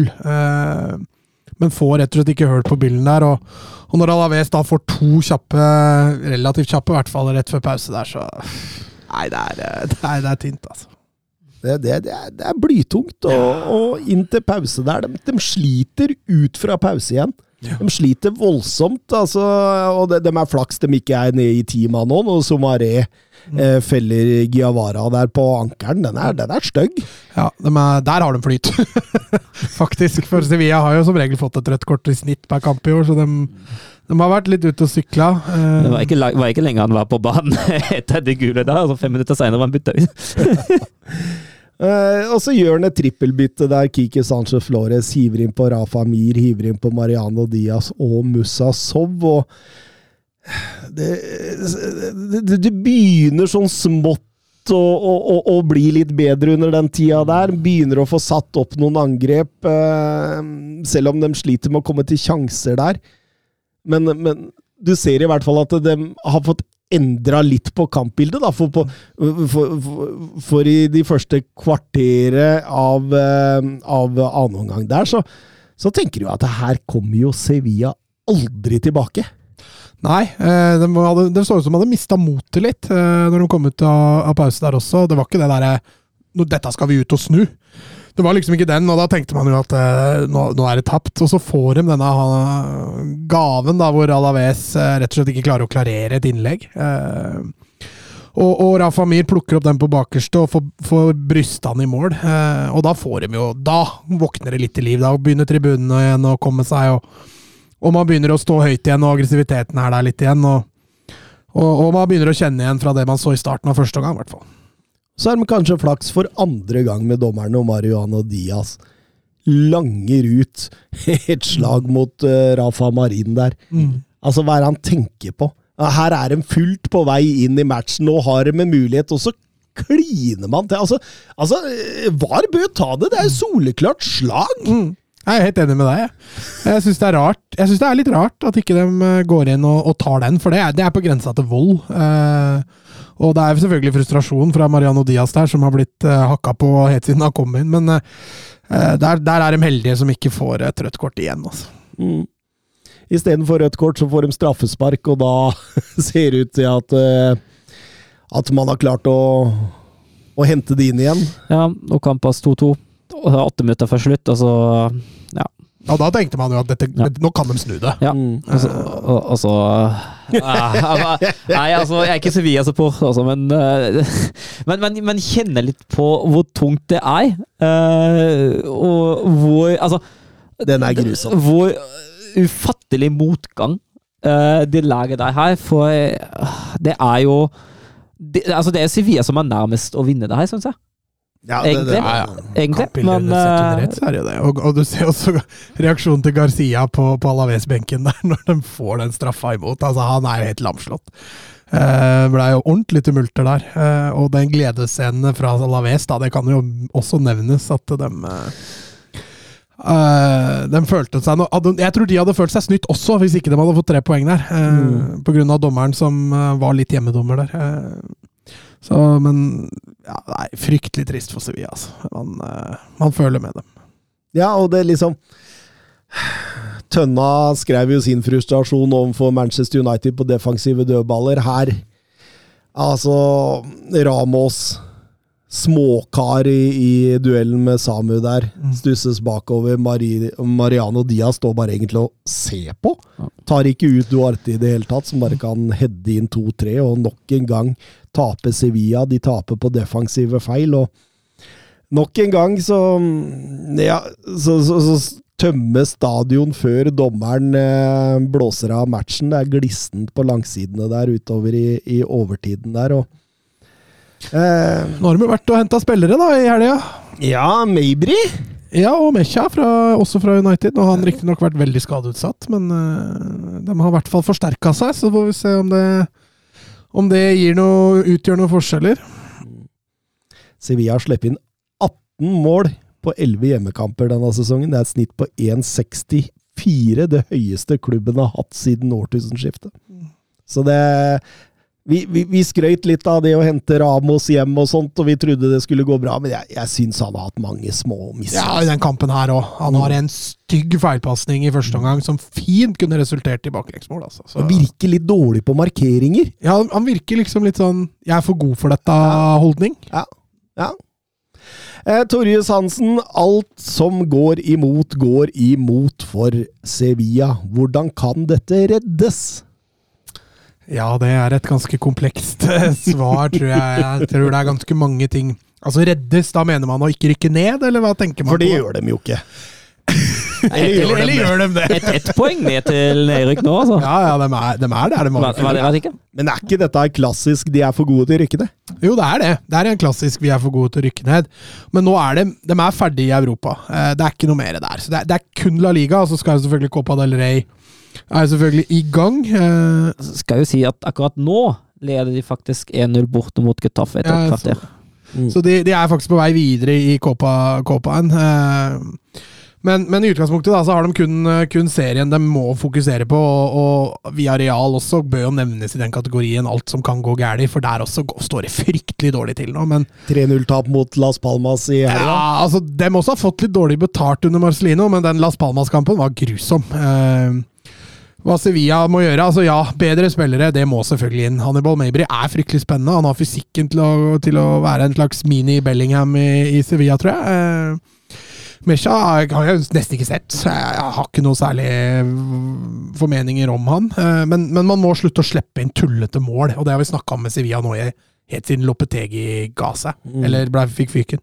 Sevilla slipper inn fryktelig mye unødvendige mål. Mm. Og så er det dette med selvtillit som er selvfølgelig helt avgjørende. Eh, Sevilla er nok helt på bånn på selvtillit, eh, og da, da må man jobbe ekstra hardt for å bikke kampene sin favør. og Sevilla er for gode til å rykke ned. Jeg tror vi alle kan være enige om det. Og, eh, men det de surrer med nå, altså tape hjemme mot Alaves, det er katastrofe. altså. Mm. Mm. Eh, det var en litt sånn være eller ikke være-match for Real Sociedad òg, om kampen om Champions League. Det blei ikke være. De røyk på 2-1-tap mot Atletic Athletic eh, Club. og Ja, Basker-derby. Eh, nei, de fikk det tøft på, på San Mames, og Bilbao vant jo for så vidt fortjent. Eh, Sociedad har hatt en litt dårlig motsetning til hva de pleier å ha, hvor de pleier å være god på høsten og dårlig på våren. Så har det vært litt eh, Begynt å snu litt allerede, og det er som du sier, nå er det vel ni poeng, tror jeg, eh, opp til Champions League. Det er ikke tapt, men eh, det begynner å bli langt, og det er to lag de faktisk må passere for å komme inn der. Og eh, Girona spilte 0-0 borte mot eh, tabelljumbo Almeria. Fredrik Stjerna skriver Jeg skulle kose meg med Almeria mot Girona i helga. Hadde jeg ikke visst uh, det jeg visste, hadde jeg trodd at uh, Almeria var de som kjempa i toppen med Real Madrid. Var dette starten på fallet? Apropos lag som får dårlig betalt, så er Almeria også et godt eksempel, faktisk. Fordi de, de har levert flere gode kamper i år, og de har fortsatt ikke vunnet en eneste kamp. Uh, så der er jo nedrykket så å si klart. Men den kampen er kanskje noe av det dårligste man har sett av Girona i år. Eh, og i tillegg da får Alex Garcia utvist eh, mot slutten der også, som kommer til å svekke dem inn mot neste match igjen. Så eh, om det er starten på slutten, det, det vil jo bare tiden vise. Men jeg tror de eh, klarer å grinde litt til, og så får vi se. Eh, Almeria har som sagt fått veldig dårlig betalt i år, så det var ikke noe sånn automatisk at det der skulle bli seier. Nei. Nei, jeg men, men du så jo de, de favorittene, da, de som har levert godt denne sesongen. Eh, De skuffa jo i denne kampen. altså Du nevnte jo Garcia der, som, eh, som, som sleit litt. Dolbyk var blek. eh, Zygankov og Savio satt jo på benken og kom inn uten å prege det. Det så ikke veldig bra ut, men, men jeg tenker jo først nå møter de vel Rayo i Copa del Rey, og så har de ved Sevilla neste helg. Tipper man får flere svar etter da. Ja, fra begge. Sevilla òg. Taper Sevilla den også, så kan de fort være under streken, og da Eivind Stølen. Eh, nå kan vel strengt tatt ikke Valencia rykke ned 14 poeng over streken. Hva har Ruben Baraja gjort riktig, eller er det bare de tre til fem nederste lagene som er så himla dårlig at de setter Valencia i et bedre lys? Ja, kanskje det er en blanding der. Eh, nei, altså Valencia har jo først og fremst blitt et mye bedre eh, defensivt lag. Eh, det er ikke lenger Autostrada, de slipper ikke lenger inn tullete mål eh, i, i hytt og, hytt og gevær. Og, Stram 4-4-2 der. ja, de har, og så har de to ganske sittende defensive midtbanespillere. Sånn at det offensive overlater dem ofte til kontringer, overganger, eh, dødballer, eh, sånne ting. og og, og det har de lyktes veldig godt med, spesielt i enkelte kamper. Den begynner også å få en brei stall. altså Et par av disse lokale unggutta, altså Mosquera, begynner å se meget bra ut. Har jo vært snakka om i Spania ganske lenge. Eh, Hugo Guillamon, som har starta mye på benken i starten under eh, Baraja, han har begynt å få tillit. Han har begynt å blomstre sentralt på midten. Er jo opprinnelig stopper, så det er kanskje litt derfor han har fått den rollen. Og så har man en Hugo Duro da, som scorer jevnt og trutt, selv om han er mye aleine. Så så, så, um, så, gjør han en del målpoeng, og så har man mye spennende unggutter i bakhånd. Altså, jeg snakka før om Havi Guerra, som, som, ser veldig spennende ut. eh, Får en del spilletid. Jesus Vasques på venstrebekken er jo klar til å ta over for Gaia den dagen han blir solgt, som sikkert bare er et tidsspørsmål, sånn som de driver den klubben der. eh, um, Så jeg tror, eh, jeg tror nok Valencia Altså rykke ned gjør de definitivt ikke, men de burde jo heller se seg litt framover, og heller Mm. begynne å se litt oppover, for de har prestert ganske jevnt i år. Mye av de defensive styrkene de har greid å tilegne seg. Deilig, deilig. Um, jeg vet ikke hvor mye du vil snakke om Supercopa-finalen, jeg, Mats. Nei, jeg bør ikke gjøre det, hvis ikke du vil.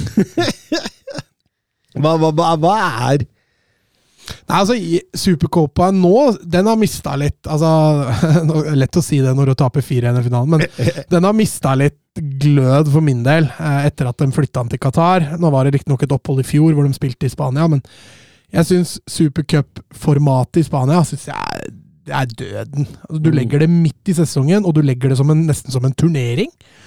Uh, og dette er selvfølgelig ene og alene for å få inn cash. Uh, du legger det til Qatar, hvor pengene er enda større og enda flere. Eh, så hele formatet er litt uh, for meg- Ja, det er litt jugl, ja. Og så ser du på tribunen i finalen. Det er jo Jeg tror ikke det var en eneste spanjol på den tribunen i det hele tatt. Så, så det, det blir liksom tilgjort. Um, når det er sagt, så jeg hadde, ikke, hadde jeg ikke lånt VG plussen din, så hadde jeg, jeg hadde ikke giddet å streame det. Nei. Jeg hadde ikke giddet. Så, så det var kun fordi jeg hadde det lett tilgjengelig at jeg endte opp med å se på det. Eh, formatet starta med at Real Madrid møtte Atletico på onsdag i semifinale. En hysterisk artig kamp. Eh, veldig bølgete fram og tilbake. Intens. Atletico leder, leder kampen tre ganger, eh, før Real Madrid til slutt snur det i ekstraomgangene.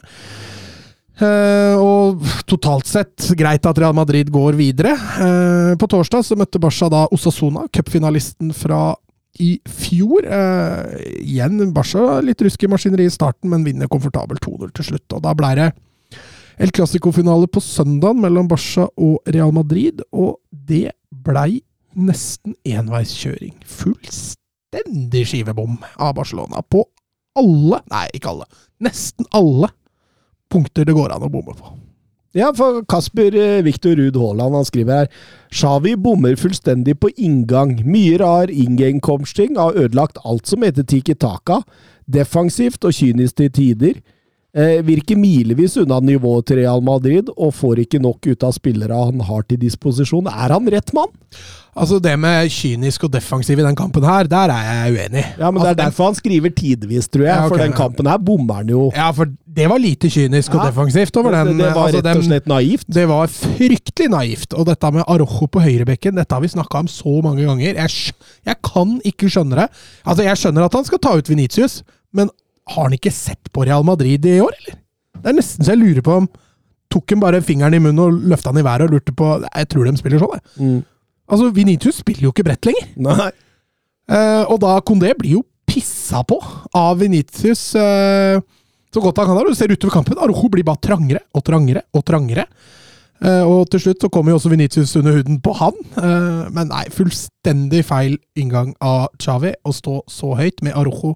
Din kjappeste stopper, altså. Setter du på høyrebekk. Merkelig. Uh, og, og Venitius han leker jo inn der med god hjelp fra, fra Rodrigo og Bellingham. Så leker han jo inn et hat trick omtrent før det er spilt en halvtime. Strålende scoring av Lewandowski, som får, uh, får en fin scoring på 3-1 der. Uh, nei, unnskyld, på 2-1. Men når de får 3-1 da rett før pause, så Nei, det var eh, du, du, du satt ikke med følelse at man klarte det. Altså, Barca produserer en god del store sjanser i kampen. her. Det er derfor jeg sier at det er ikke helsvart. Så man fortsetter jo trenden fra i, i år, da, hvor man produserer ganske mye uten å få mål. Men det man gjør defensivt i den kampen her, det, det er under, under enhver kritikk. Og når det gjelder om Xavi er rett mann for jobben Jeg har vært skeptisk nå en liten stund. Jeg har vel sagt det også flere ganger i podkasten her. Mm, mm. Eh, at det, fremgangen går bakover. Jeg ser liten eller ingen utvikling hos de aller fleste spillere. Eh, tvert imot så går det bakover med veldig mange. Arojo er ikke lenger verdens beste stopper. Det kan vi vel nesten slå fast. Eh, Ikke verdens beste høyrebekk heller. Nei, der er han langt unna, faktisk. Der er ganske mange foran han, ikke eh, Og, og altså, Førstegen-tapet er jo selvfølgelig stort. Penja er for all del en OK reservekeeper, men vi har sett nå i den perioden her at han er langt unna der han skal være. Uh, og han har ikke funnet sekser Han har ikke funnet en løsning på sekserproblemet. Uh, og ja, kantene de produserer jo verken mål eller målpoeng.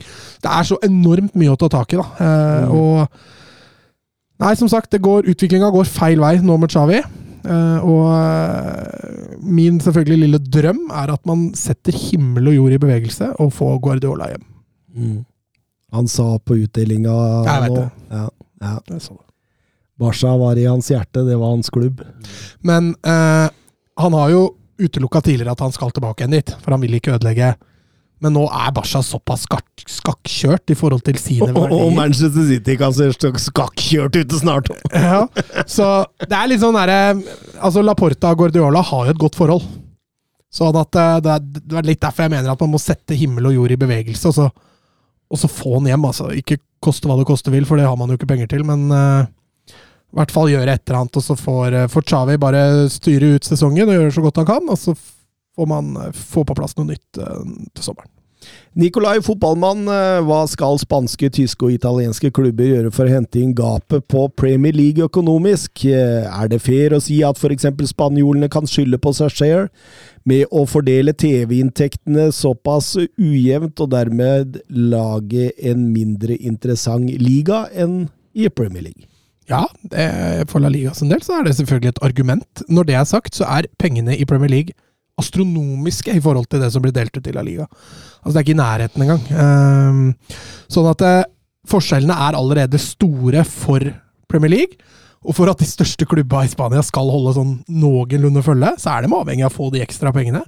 Men avstanden til ned til de mindre klubba blir jo selvfølgelig enda større. Eh, og for klubber da som Valencia Eh, Kanskje til dels også via Real Sevilla, disse klubbene som er nest størst i Spania. Jo, det er de som virkelig taper på den avtalen der. Eh, når det gjelder Premier League, en annen forskjell Premier League har, som ingen andre ligaer har, er at de Det er vel kanskje den ligaen som er mest global. Mm. Så de kan hente sponsorer, midler, utafor England, da. Mm. Mens i, i Spania og Tyskland så er ofte de store sponsorene er lo, ikke lokale, kanskje, men i hvert fall nasjonale. da. Mm. Eh, og jeg tror Premier League kunne tjent enorme penger hvis man flytta en kamp til USA, f.eks. Jeg tror det hadde vært kjempemye penger, selv om jeg er glad de ikke gjør det, selvfølgelig. Men så øh, Nei, altså Det gapet er så enormt. Jeg tror ikke det er mulig å tette igjen. Nei, jeg er helt enig med deg. Jeg tror Eh, klubbdrift er ja. helt avgjørende for, å, for å holde seg oppe. I Tusen har det vært eh, snakk om at noen hadde lyst til å, å droppe 50 pluss 1 som en mulighet. Eh, det møter jo heldigvis eh, veldig mye motstand, og det kommer nok ikke til å skje med det første, tenker jeg. Um, men nå har jo ligaen, fotballigaen DFL, har jo bestemt for at nå skal de få en investor inn. Mm. For, uh, for ligaen for, uh, å få inn, inn penger. Det er Men, for, men, men bytter de navn, da, eller? ja, Vi får se. Uh, de, de er nå på jakt, aktivt jakt. De har bestemt at de skal være på aktivt jakt etter investor. Uh, til voldsom protest fra supporterscenen.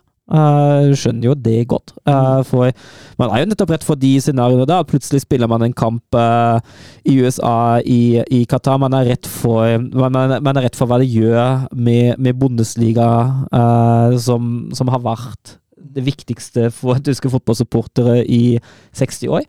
Um, og så er det jo, som Mats sier, altså det viktigste er jo klubbdrift. og det som er så fint for tyske klubber, da, at man, man har jo mulighet til å selge ganske dyrt til Premier League. Eh, for i Premier League er de villige til å betale litt andre priser enn andre steder. Uh, og det er jo det er definitivt en fordel at i Premier League får man mer, spiller for, uh, mer penger for spillere som man skal selge. Mm. Uh, og vi, vi ser jo også internasjonalt altså, Det er ikke sånn at det bare er Premier League-klubber eh, i alle finaler, i alle turneringer mot hverandre. Heldigvis. Heldigvis, ja. Heldigvis. Uh, så vi ser jo at klubbdriften i andre land også er bra nok, i hvert fall. da. Eh, Mm. selv om jeg, jeg hadde jo heller ønsket meg en økonomisk mer rettferdig fordeling. eh, for at Men, men veit dere Dragosjin, bare for å ta et ferskt eksempel Veit dere åssen lønna hans er i Tottenham kontra det han fikk tilbud om i Bayern, f.eks.? Jeg veit at det var høyere i Bayern. Ok, Mm. ja. Og det, men det understreker jo litt av, litt av poenget. Altså, jeg kan ikke at, det var Tottenham sin skyld, liksom, men, men det at han velger å gå til Premier League og tjene mindre enn å gå til Bayern Men, men, og men der mer. tror jeg med Dragosin-dealen så var det vel mer det at uh, han hadde nærmest lova seg bort til Tottenham. Altså, Bayern kom for seint. Ja, ja, Bayern kom for, for Bayern kom inn. sent. Altså, For agenten sier i ettertid at 'tenk at vi har sagt nei til Bayern München', Ja. liksom. Men med Dragosin var veldig klar på at 'jeg har en muntlig avtale med Tottenham'. Den skal jeg holde. Vi, vi skal nok tilbake, tilbake til hvordan Bayern oppfører seg på overgangsmarkedet etterpå. men, men, men jeg er helt enig med dere, og, øh, og det, det blir jo litt sånn Altså, man snakker jo her hjemme i Norge om likestilling, og at øh, La oss si for eksempel spillere på LSK kvinner, da. At de burde tjene like mye som menn. Fordi de gjør den samme jobben, de jobber like hardt, de går like mye på treninger, men samtidig må de jobbe ved siden av. Men det som er problemet, det er jo markedet. Det er markedet som bestemmer alt. Og, og i, i Premier League så er det jo sånn som Mats sier, det er en gedigen TV-avtale. Og den gedigne TV-avtalen den gjør også at det blir enda mer lukrativt og i forhold til reklame. Og, og sånn, og så har du det som det elementet med globalitet også, at Premier League sendes i nærmest alle land i hele verden. Altså, altså er det, jo, det er jo en spiral, ikke sant? for da tiltrekker du de beste spillerne, og folk har lyst til å se de beste spillerne Ja. på TV. Det, det er jo en spiral. Ja. Men også det der med Europa. Det, jeg har sagt det lenge at det er jo et tidsspørsmål før England dominerer Europa også fullstendig.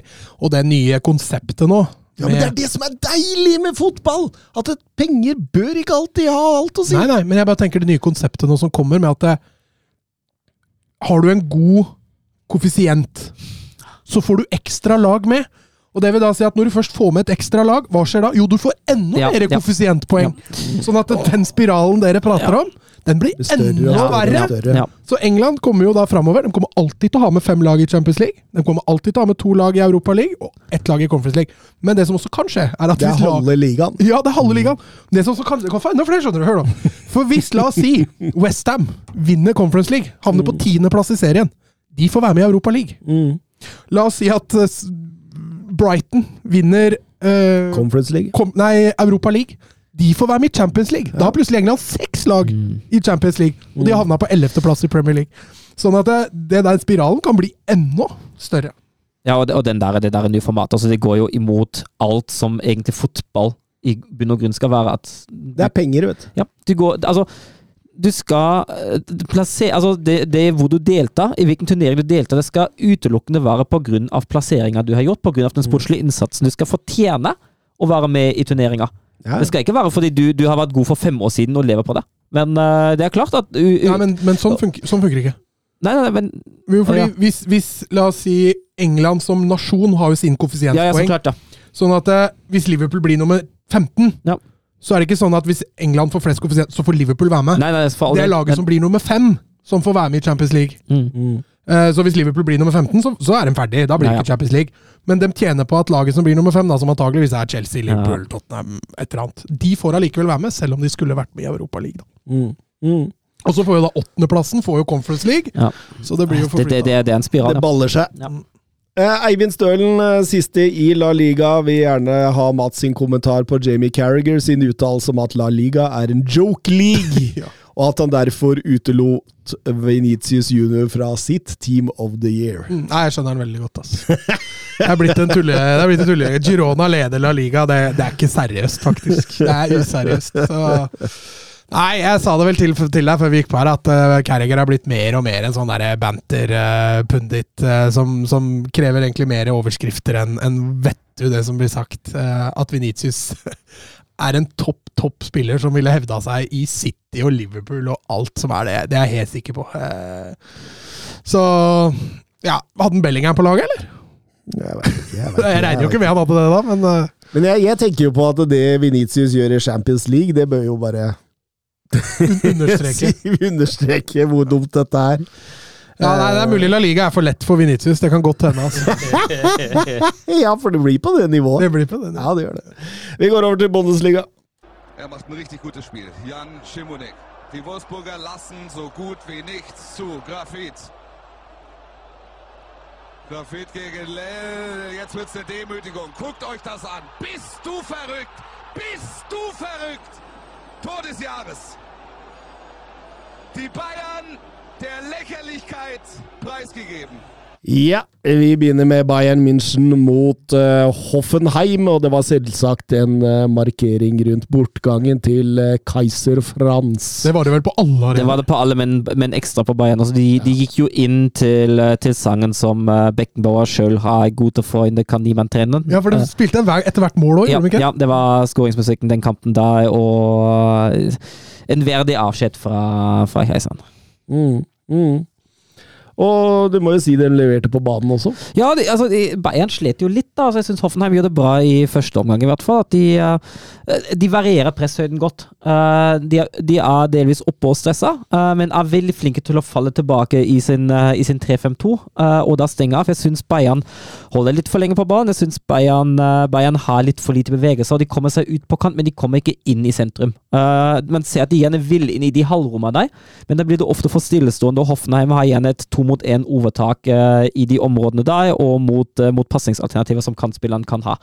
Uh, leder likevel ikke ufortjent. Musiala setter 1-0 etter, en, eh, etter en kort corner. Bayern er jo det beste og det førende laget på banen. Det bare blir ikke sånn voldsomt farlig i, eh, i første Men omgang. Kra- Ba- ba- Balltempoet er ikke høyt nok. Nei, nei, helt Ja, enig. Kramaric kunne vel nesten hatt et hat trick i løpet Ja. av den kampen her. for Ja, han- men det kommer først i andre. Ja da, jo da. Men, men det sier bare litt om de romma Hoffenheim også får, Ja. Eh, når de får lov å løpe der. Mm. Ja, for I andre omgang syns jeg Bayern justerer.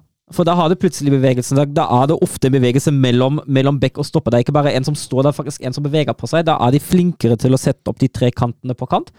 Uh, og da er balltempo høyere. Det er færre touches. Eh, og da, da blir det farligere umiddelbart. Um, men som Mats er inne på, mellom 60 og 65 så har Hoffenheim tre gedigne sjanser. Eh, Manuel Neuer han viser sin klasse, uh, og Tverrliggeren hjelper godt til det nå. Og så er man litt sånn Sitter man og tenker er Hoffenheim litt på vei inn i kampen nå? Mm.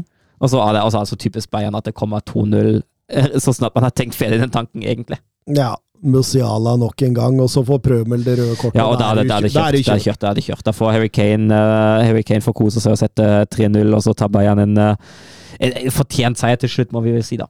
Mm. Det er jo, er jo greit at de vinner. Og Kane ligger på eh, Han ligger på, eh, på eh, 22 mål etter eh, 16 kamper. Ja, det samme som Lewandowski hadde når han tok Gert Müller. Ja. eh, Og så har jo, altså er jo rekorden for 17 kamper for en hinrunde er jo 22. Eh, og Bayern har jo en hengekamp igjen mot Union Berlin. Så den rekorden kan Kane ta allerede i hjemmekampen mot Union i slutten av januar. Og det var den 65. Bundesligaen på uh, kampen på rad Bayern München skårer på hjemmebane. Det er ny Bundesliga-rekord. Mm. Ingen har hatt lengre streak. Altså 65 Det er kamper på rad Ja. uten å tusle av. Men eh, ja, det, det, det er som du sier, at det, det, var eh, noen lys som blinka underveis i kampen her. Og det, er liksom ikke den der dominante Bayern hele veien her. Nei, det er ikke det. Uh, altså det, det ene er at man sliter med å bryte den i første om. Det, det, det er jo kanskje litt som det er, da, når du møter et lag som, uh, som er såpass gode til å falle i posisjon og ligge såpass stabilt med så lite rom. Men særlig den perioden mellom 6 og 65, den, den syns jeg var litt illevarslende. Mm. For da mister de kontroll. Uh, og da viser de nok en gang at eh, det forsvaret der, det er ikke nødvendigvis alltid stødig. Nei. Nei. Så det, det er Ja, det Det er derfor de har henta inn Erik Dyer nå, da, vet du, søren. Ja, det- Fordi Bernt Olav Gjellier Hansen han skriver Er Erik Dyer til Bayern München en svakhet eller en klok signering? Er en klar svakhet. Um, altså, vi har sittet her siden august og snakka om hvor tynt Bayern er bakover. På sekserplassen, på høyrebekken og på stoppeplassen. Og Torhild har gjort det samme. Uh, så Man har jo diskutert det åpent internt og vært tydelig på at det er et problem. Uh, så går jo Masraoui og Kim ut til uh, uh, henholdsvis Afrika- og Asiamesterskap. Det har man også visst. De spiller for Marokko og Sør-Korea. Det er to lag som desidert kan komme ganske langt. Det er to spillere som på de posisjonene kommer til å trolig mangle en stund. Og at, at man da At man da står der eh, 10. januar, og den første signeringen er Eric Dye, at det ikke kommer inn to spillere de første to de, altså de første dagene etter at overgangsvinduet er åpent, det er tjenesteforsømmelse. Og det er så lite Bayern-like. Altså, det ene er jo at det ikke kommer inn noen, at det tar lang tid å få noen inn. Uh, man kan fint jobbe med overganger også når det ikke er overgangsvindu, det er ikke noe problem. Det gjør, det gjør klubber støtt og stadig. Um, det er det ene. Det andre er de navnene, da. Eh, greit, Ronald Araujo, veldig forståelig. Uh, kjempebra spiller at Bayern har lyst på ham. Kan også bekle både stopp og høyrevegg. Veldig Ja, forståelig. kan det, Mats.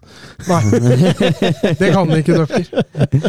Men uh, da, da veit man jo at dette er en av Barcelonas mest verdifulle spillere. Det, de er ikke interessert i å selge den. Eh, og nå viser jo også siste rapporten jeg leste fra Tyskland, at forhandlingene viser seg å være vanskelige. Nei, hvem, hvem hadde trodd? Uh, og, og de andre navnene der, altså Mokiele, Chaloba og nå Eric Dye. Altså, det, det oser jo Danso. Danso. ja, det, det oser jo panikk. Dette er jo ikke spillere som hjelper Bayern noe videre. Altså, det er liksom Daily Blind-overgangen. nei. Da de henta Daily Blind for, for et år siden fra Ajax, og han fikk et halvt år med jeg vet ikke, fem kamper eller sånt. Det er samme type. Det er panikk for å skaffe seg stallfull, for ikke, å- for ikke å trenge å stå der med Leon Goretzka og Masraoui igjen og spille med de to som stopper på. Men det er det, det er det eneste det er. Men Erik Dyer er jo en eh, veldig god kompis av eh, Harry Kane. Eh, Kan Harry Kane ha vært en slags eh, sportsdirektør oppi dette her? Nei, det, det, kan jo, det kan jo selvfølgelig ha hatt noe å si, men eh, Jeg vil ha en venn. Kjøp meg en venn. Men, det, Ja. det, altså, men, men altså det at man kommer så seint til festen på, på Dragosjon, da. Eh, det, Bayern, den, den, hvordan de oppfører seg på overgangsmarkedet, kan i ytterste konsekvens koste dem eh, seriegullet. Ja, eh, spennende, spennende. Klas Grønlin, eh, Shamal Mosiala er vanskelig å forstå seg på. Ser ut som verdensklasse atter en gang, men kan han stabilisere seg på dette nivået noen gang? Ja, vi får håpe det. Han er, jo fortsatt veldig, veldig ung, da. Eh, det skal jo sies. Og eh, særlig som en, så, som en ung og offensiv spiller som er Som er litt sånn, har, har litt sånn aksjoner som kan gå enten kjempebra eller fryktelig, fryktelig galt, så er det jo enda vanskelig å få dette stabilisert på et høyt nivå, da. Eh, Men, men, men, veldig ofte så kommer han eh, Så er han ute av laget over lengre, lengre mm. perioder. Tror, tror du det er fordi han er litt udefinert i forhold til Thomas Tuchel sin måte å spille fotball på? Altså, du veit ikke helt hvor du alltid skal bruke den på best mulig måte. Jo, men det gjelder jo sånn for mange hva skal si, kreative typer, da. Eh, Jeg tror han kan funke godt i mange posisjoner, men det gjelder å finne den ene hvor han kan bli verdens beste, da. Eh, Så Sånn Ja, altså, altså, Real Madrid har gjort med Bellingham. ja, ja. Altså, altså, har han, altså har han vært en del skada den sesongen her òg. han har hatt to skadeavbrekk, uh, og da tar det litt tid å komme seg tilbake også. Mm. Så det, det, det spiller jo inn, det òg. Men jeg, jeg syns jo han har hatt en veldig veldig god sesong så langt i Bundesliga. Ja, han var klasse mot Hoffenheim. Ja, ja, ja, han var det. Eh, Petter Halseth, mysteriet de likt, konge i Ajax, inn og ut av Juventus og Bayern. Vil han noen gang bli verdensklasse, og hva tenker dere om United-linken? Nei, altså Det òg, da. Altså, han eh, Etter forrige sesong trodde jeg at han kom til å være soleklar eh, den partneren til, eh, til Kim Min-Jae i denne sesongen. her. Og så har ikke oppkjøringen gått etter planen. Han har vært mye skada. Nå er han jo først tilbake etter skade igjen, uh, de Så det har nok vært litt av årsaken til at han ikke har spilt så mye. Uh, og så har jo Oba- Obamecano har faktisk vært veldig bra. Det, det må jo sies. Eh, den den hinrunden han har hatt nå, har vært den beste han har hatt i Bayern. eh, og han har vært Uh, han har vært klasse, bare at man sitter alltid med følelsen at han At han kan drite på draget ja, ja, ja. så fullstendig. Men uh, det har ikke vært lett for, for De. Altså, når han først har havna ute, og, og Kim Opamecano faktisk har, har levert bra, så har det ikke vært lett å komme inn, og da han kom inn, så ble han skada. Men at det bor en veldig god stopper i Mathais De eh, det har han jo vist forrige sesong i Bayern. Eh, Men, men tror du Erik Den Haag skal kjøpe flere gamle elever? Nei, jeg tror, jeg, jeg, tror ikke, jeg tror ikke Bayern slipper han nå. Det kan jeg ikke se for meg. Nei, For da blir Dyer tredjevalg, da. Ja, det blir det. Eh, at, Bayern, altså, hvis, de slipper De nå i den situasjonen, her, skjønner jeg ingenting, altså. Da fortjener de faktisk ikke å vinne seriegull. Et annet lag som ikke fortjener å vinne seriegull, det er Wolfsburg. Nå var de på tur i, i Mainz og, og spilte en relativt jevn fotballkamp. Det, Mot det, det plass- bør ikke alltid være for dårlig, men Mot, plass 16, mot 16.-plass, som har tatt ti Ja, men de er bedre enn 16.-plass, Mainz. Jo, egentlig, Ja. men uh, likevel, da. Um, nå må jeg bare beklage, dette her blir hakk i plata, dette har jeg sagt før. Men uh, Så hør på episode 201, 202, Ja. 203, 204. ah, men det, det, det, er, det er så mye, ikke sant? Altså, men, uh, man kommer seg ikke inn i kampen ordentlig, for Mainz presser. Man har ikke noe vei mot det presset. Og så har man det første, det første Den første vellykka aksjonen er jo 1-0. Uh, når, når man for første gang overspiller presset, det er litt avstand. Meyer får slått får slett uh, gjennom til, til Vatslav Czerny, og så setter han det. Og det var jo Det var bra satt. Det var bra satt. Ja. Og det var jo ikke måte på hvor optimistisk Niko Kovac var eh, etter den korte oppkjøringa, for nå var alt kjempebra, og vingene var tilbake, og det var firevektslinje, og Maxi Arnold plutselig var han verdens beste fotballspiller igjen i Kovacs øyne, og det var ikke måte på. Og så er det jo det er jo det samme som vi har sett igjen og igjen og igjen denne sesongen her. Det er passivitet. Det er ikke noe vilje til å ha eget offensivt spill. Jeg ser faktisk ikke hvordan Wolfsburg vil skåre mål i denne kampen. Jeg ser ikke noe klar offensiv plan i det hele tatt. Det er, det er på måfå, det er på individuell klasse, som man tross alt har i, i noen spillere, men det er ikke noe, det er ikke noe system der. Um, Ja, For Lovro Maier var ganske bra. Lovro Maier var veldig, veldig bra. Uh, Syns han var, han var den beste Wolfsburg-spilleren i den kampen der. Um, og så, altså, De sier jo sitt, da. At du spiller mot Mainz, du leder 1-0. Og etter 54 minutter får keeperen gult kort for drøying.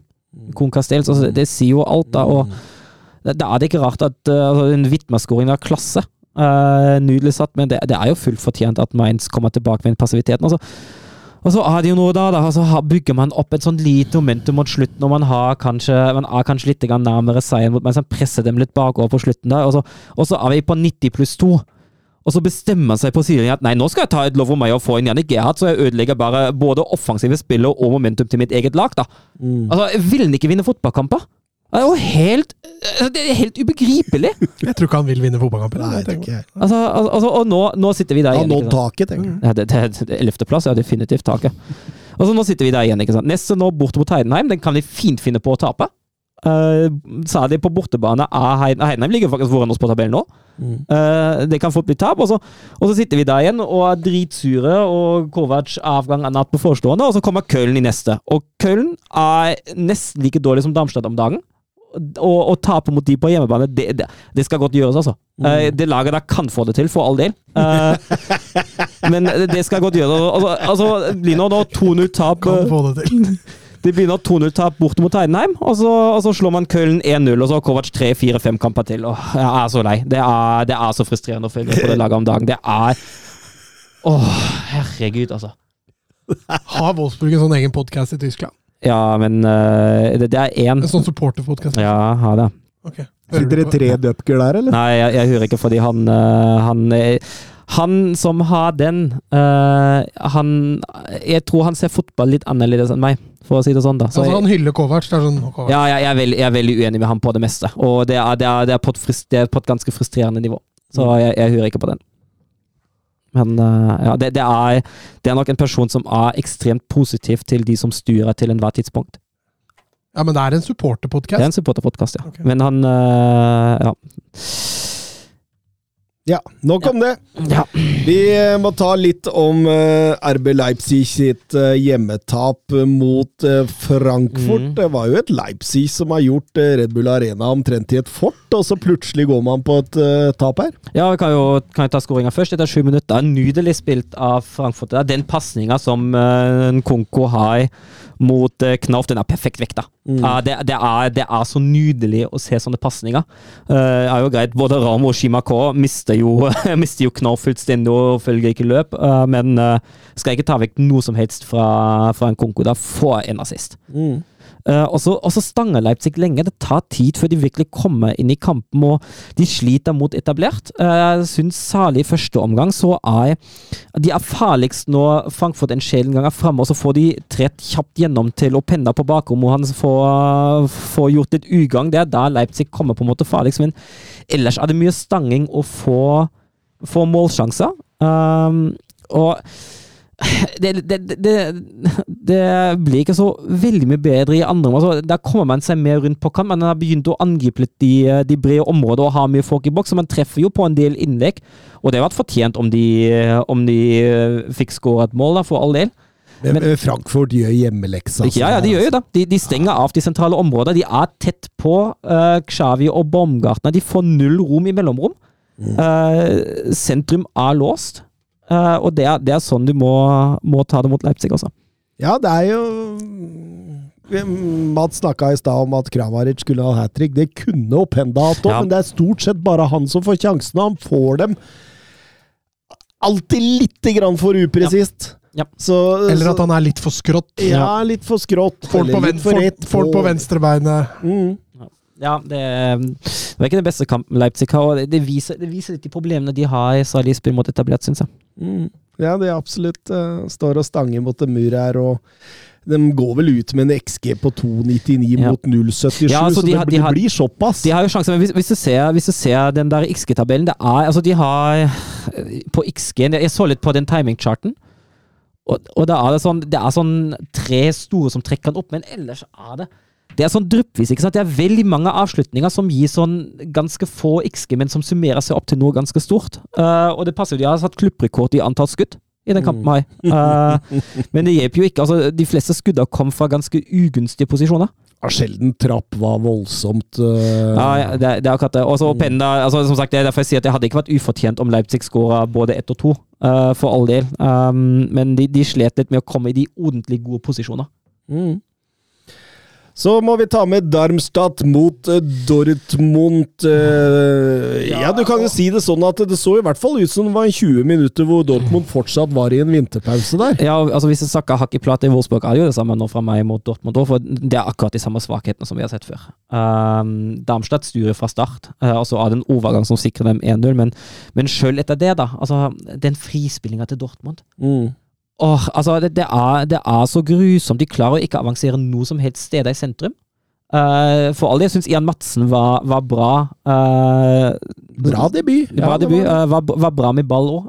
viktig å få en sånn type inn når man er så sentrumssvak som Dortmund i, eh, i frispillinga. Men det er de samme problemene. Eh, man blir tvunget ut på kant. Man kommer seg ikke gjennom i, eh, i sentrum. Det er ikke noe særlig system offensivt i det hele tatt. Og det, det, det er forholdsvis lett å låse av. Mm. Og Darmstadt er jo, er jo Bundesligaens dårligste lag. Altså, særlig offensivt ser man det, fordi selv om de har en del ball i starten, eh, det er jo null og niks farlig til deg. Eh, de klarer ikke å skape noe som helst, og det, det er som de har vært etter at de har lagt om til litt mer litt mer defensiv prioritering. Eh, de har jo en god mulighet ved Pfeiffer etter 64, da Kobel uh, redda strålene. Men ellers er det lite som kommer fra dem, og det er egentlig en ganske kjedelig fotballkamp fram til Darmstadt ser til å bli trøtte, altså. Ja, absolutt. Eh, Dortmund eh, jeg, jeg tror i enkelte faser at de må bli mer tålmodig. Fordi de, de spiller veldig ofte på første bevegelse, hele veien, ser jeg. Og eh, det med å få- fram et par-tre spillere til Jeg syns det ble bedre når, eh, når Sancho og Royce kom inn. Ja, jeg er enig. syns eh, de, de Ja, det, men, men- men det, det kan ha litt å si med at Darmstadt også eh, sender opp flere spillere, sånn at det blir mer rom, da. Og eh, selvfølgelig måtte Sancho ha en assist. Ja, assist på, på 2-0 til uh, Marco Royce spiller han jo på åpen kasse, der. Uh, og så er det Mokoko som sitter 3-0 på overtid der. Klasseskåring! Ja, den er, den er herlig. Den er, den er, den er nydelig. Ferdig, da. Ja. Kampens uh, høydepunkt, definitivt.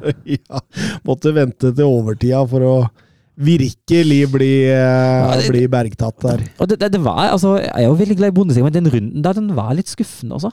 Bundesliga har vært veldig veldig offensiv hele hinrunde og siste runden og i, i hinrunde. Den, eh, den har vært Det har vært lite, lite futt i den, altså.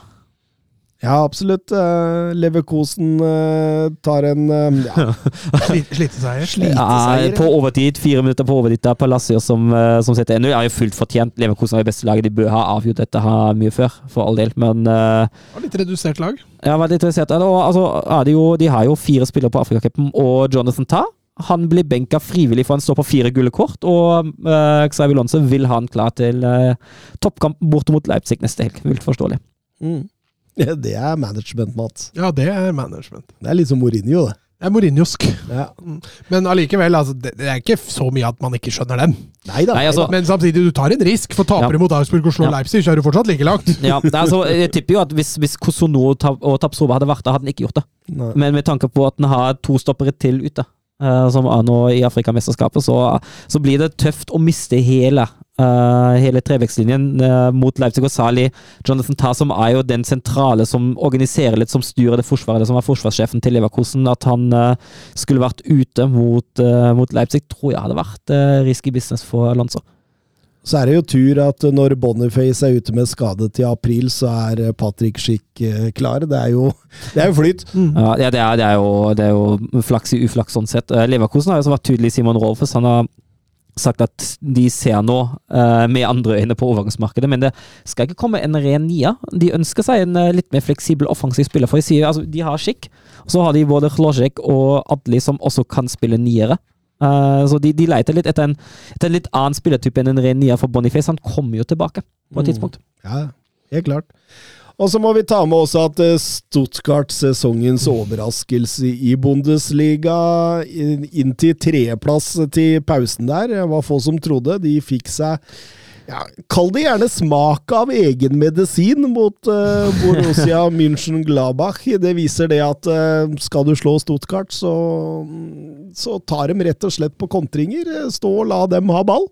Ja, det gikk jo skeis etter 21 sekunder, da. Nå har ikke sett det ennå, men Stuttgart er jo et av de lagene som har prega mest av Asia- og Afrikamesterskap. Det er jo fire spillere som er borte der òg.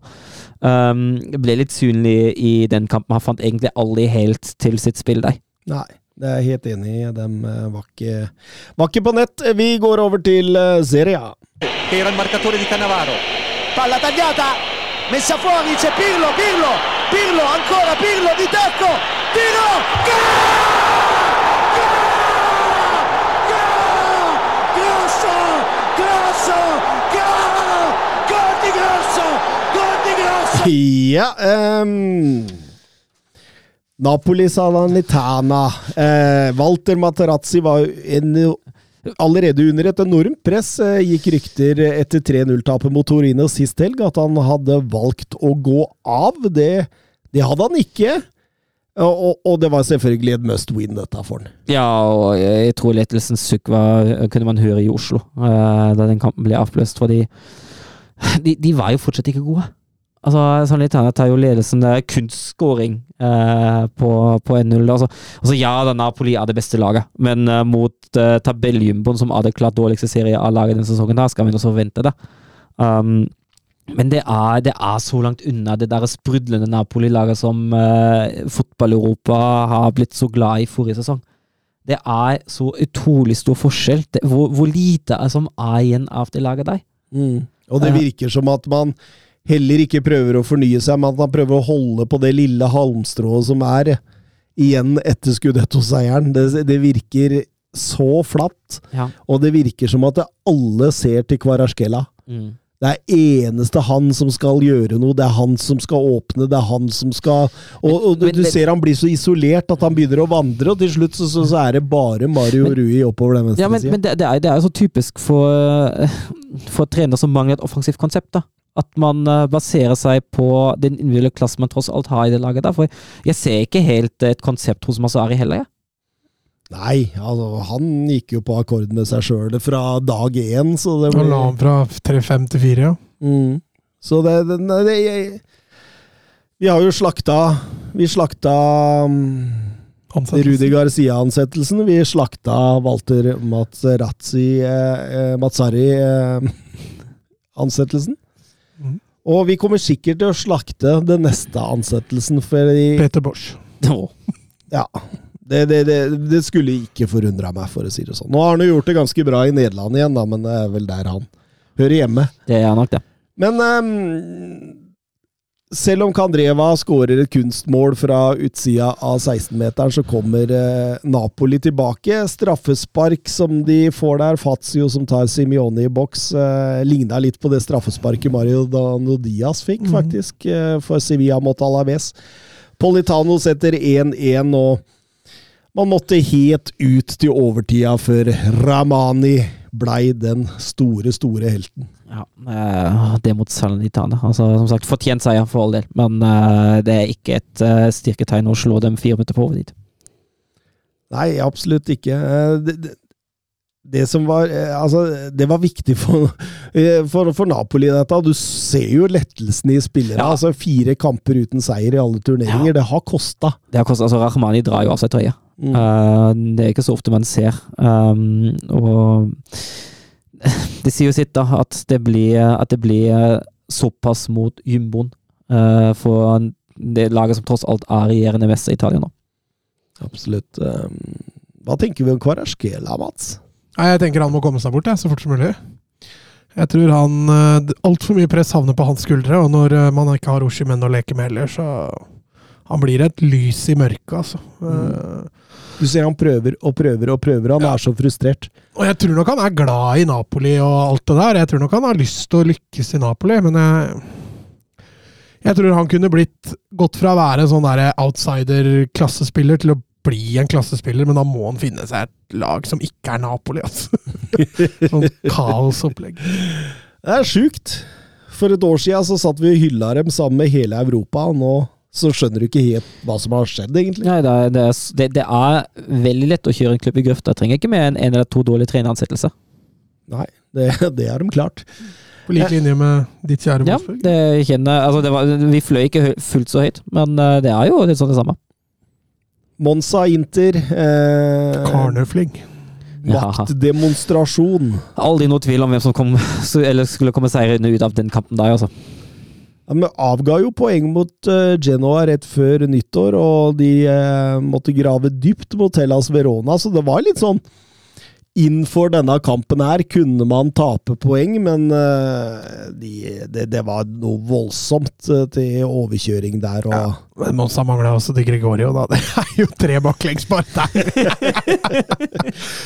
Han har jo vært en blekksprut i målet for Monza i år, så det ble veldig tydelig at han ikke var der. Men for all del, det var eh, det var, eh, det var demonstrasjon fra Inter. altså De skåra på kontring, de skåra etablert, de skåra på dødball. altså De var eh, fullstendig overlegne. ja, rett og slett en Inter masterclass, dette her. Du har Tyram og Martinez, du har støtten fra indreløpere, du har wingbacka som kommer, det er solid organisering. Ja, Monza var rett og slett Ja, Må nevne Shalanoglu, da. Ja, som rett og slett Altså, måten han har tatt den Brozovic-rollen Vi har snakka litt om det før. Det er så imponerende, altså. Det er så strålende, fordi han har eh, Nå er det lettere i Altså, hvis du snakker om sekser og sekserproblemet til Liverpool og alt det der, der Det er lettere å spille sekser i Inter enn i Liverpool. Eh, du har litt andre knagger å, henge på der, men og han får brukt styrkene sine med ball, men uh, han styrer jo dette her. Ja, ja, han, er, han, er, han, er, han er helt sjef. Det er faktisk første gang i Serie A-karrieren han skårer to mål i samme kamp. Det er første gang på 222 matcher, så det er imponerende. Men nei, det var strålende. og De legger press på Juventus som spiller. Ja, de begynner akkurat nå. Ja. Mm. Det var Eh, 0-0 i stad, i hvert fall. Ja, ok. Han har begynt halv ni, kanskje. Ja, leder 1-0 nå Juventus. Flavic, da, Da trenger, er det jo bare å skru av, da! da trenger man ikke å se mer. Da blir det 1-0.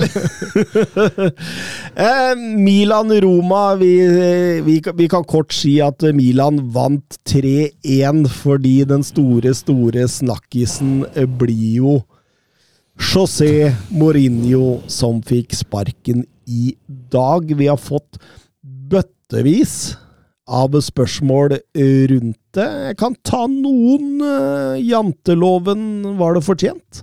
Ja. eh, jeg satt jo for to og et halvt år siden og var meget kritisk til den ansettelsen.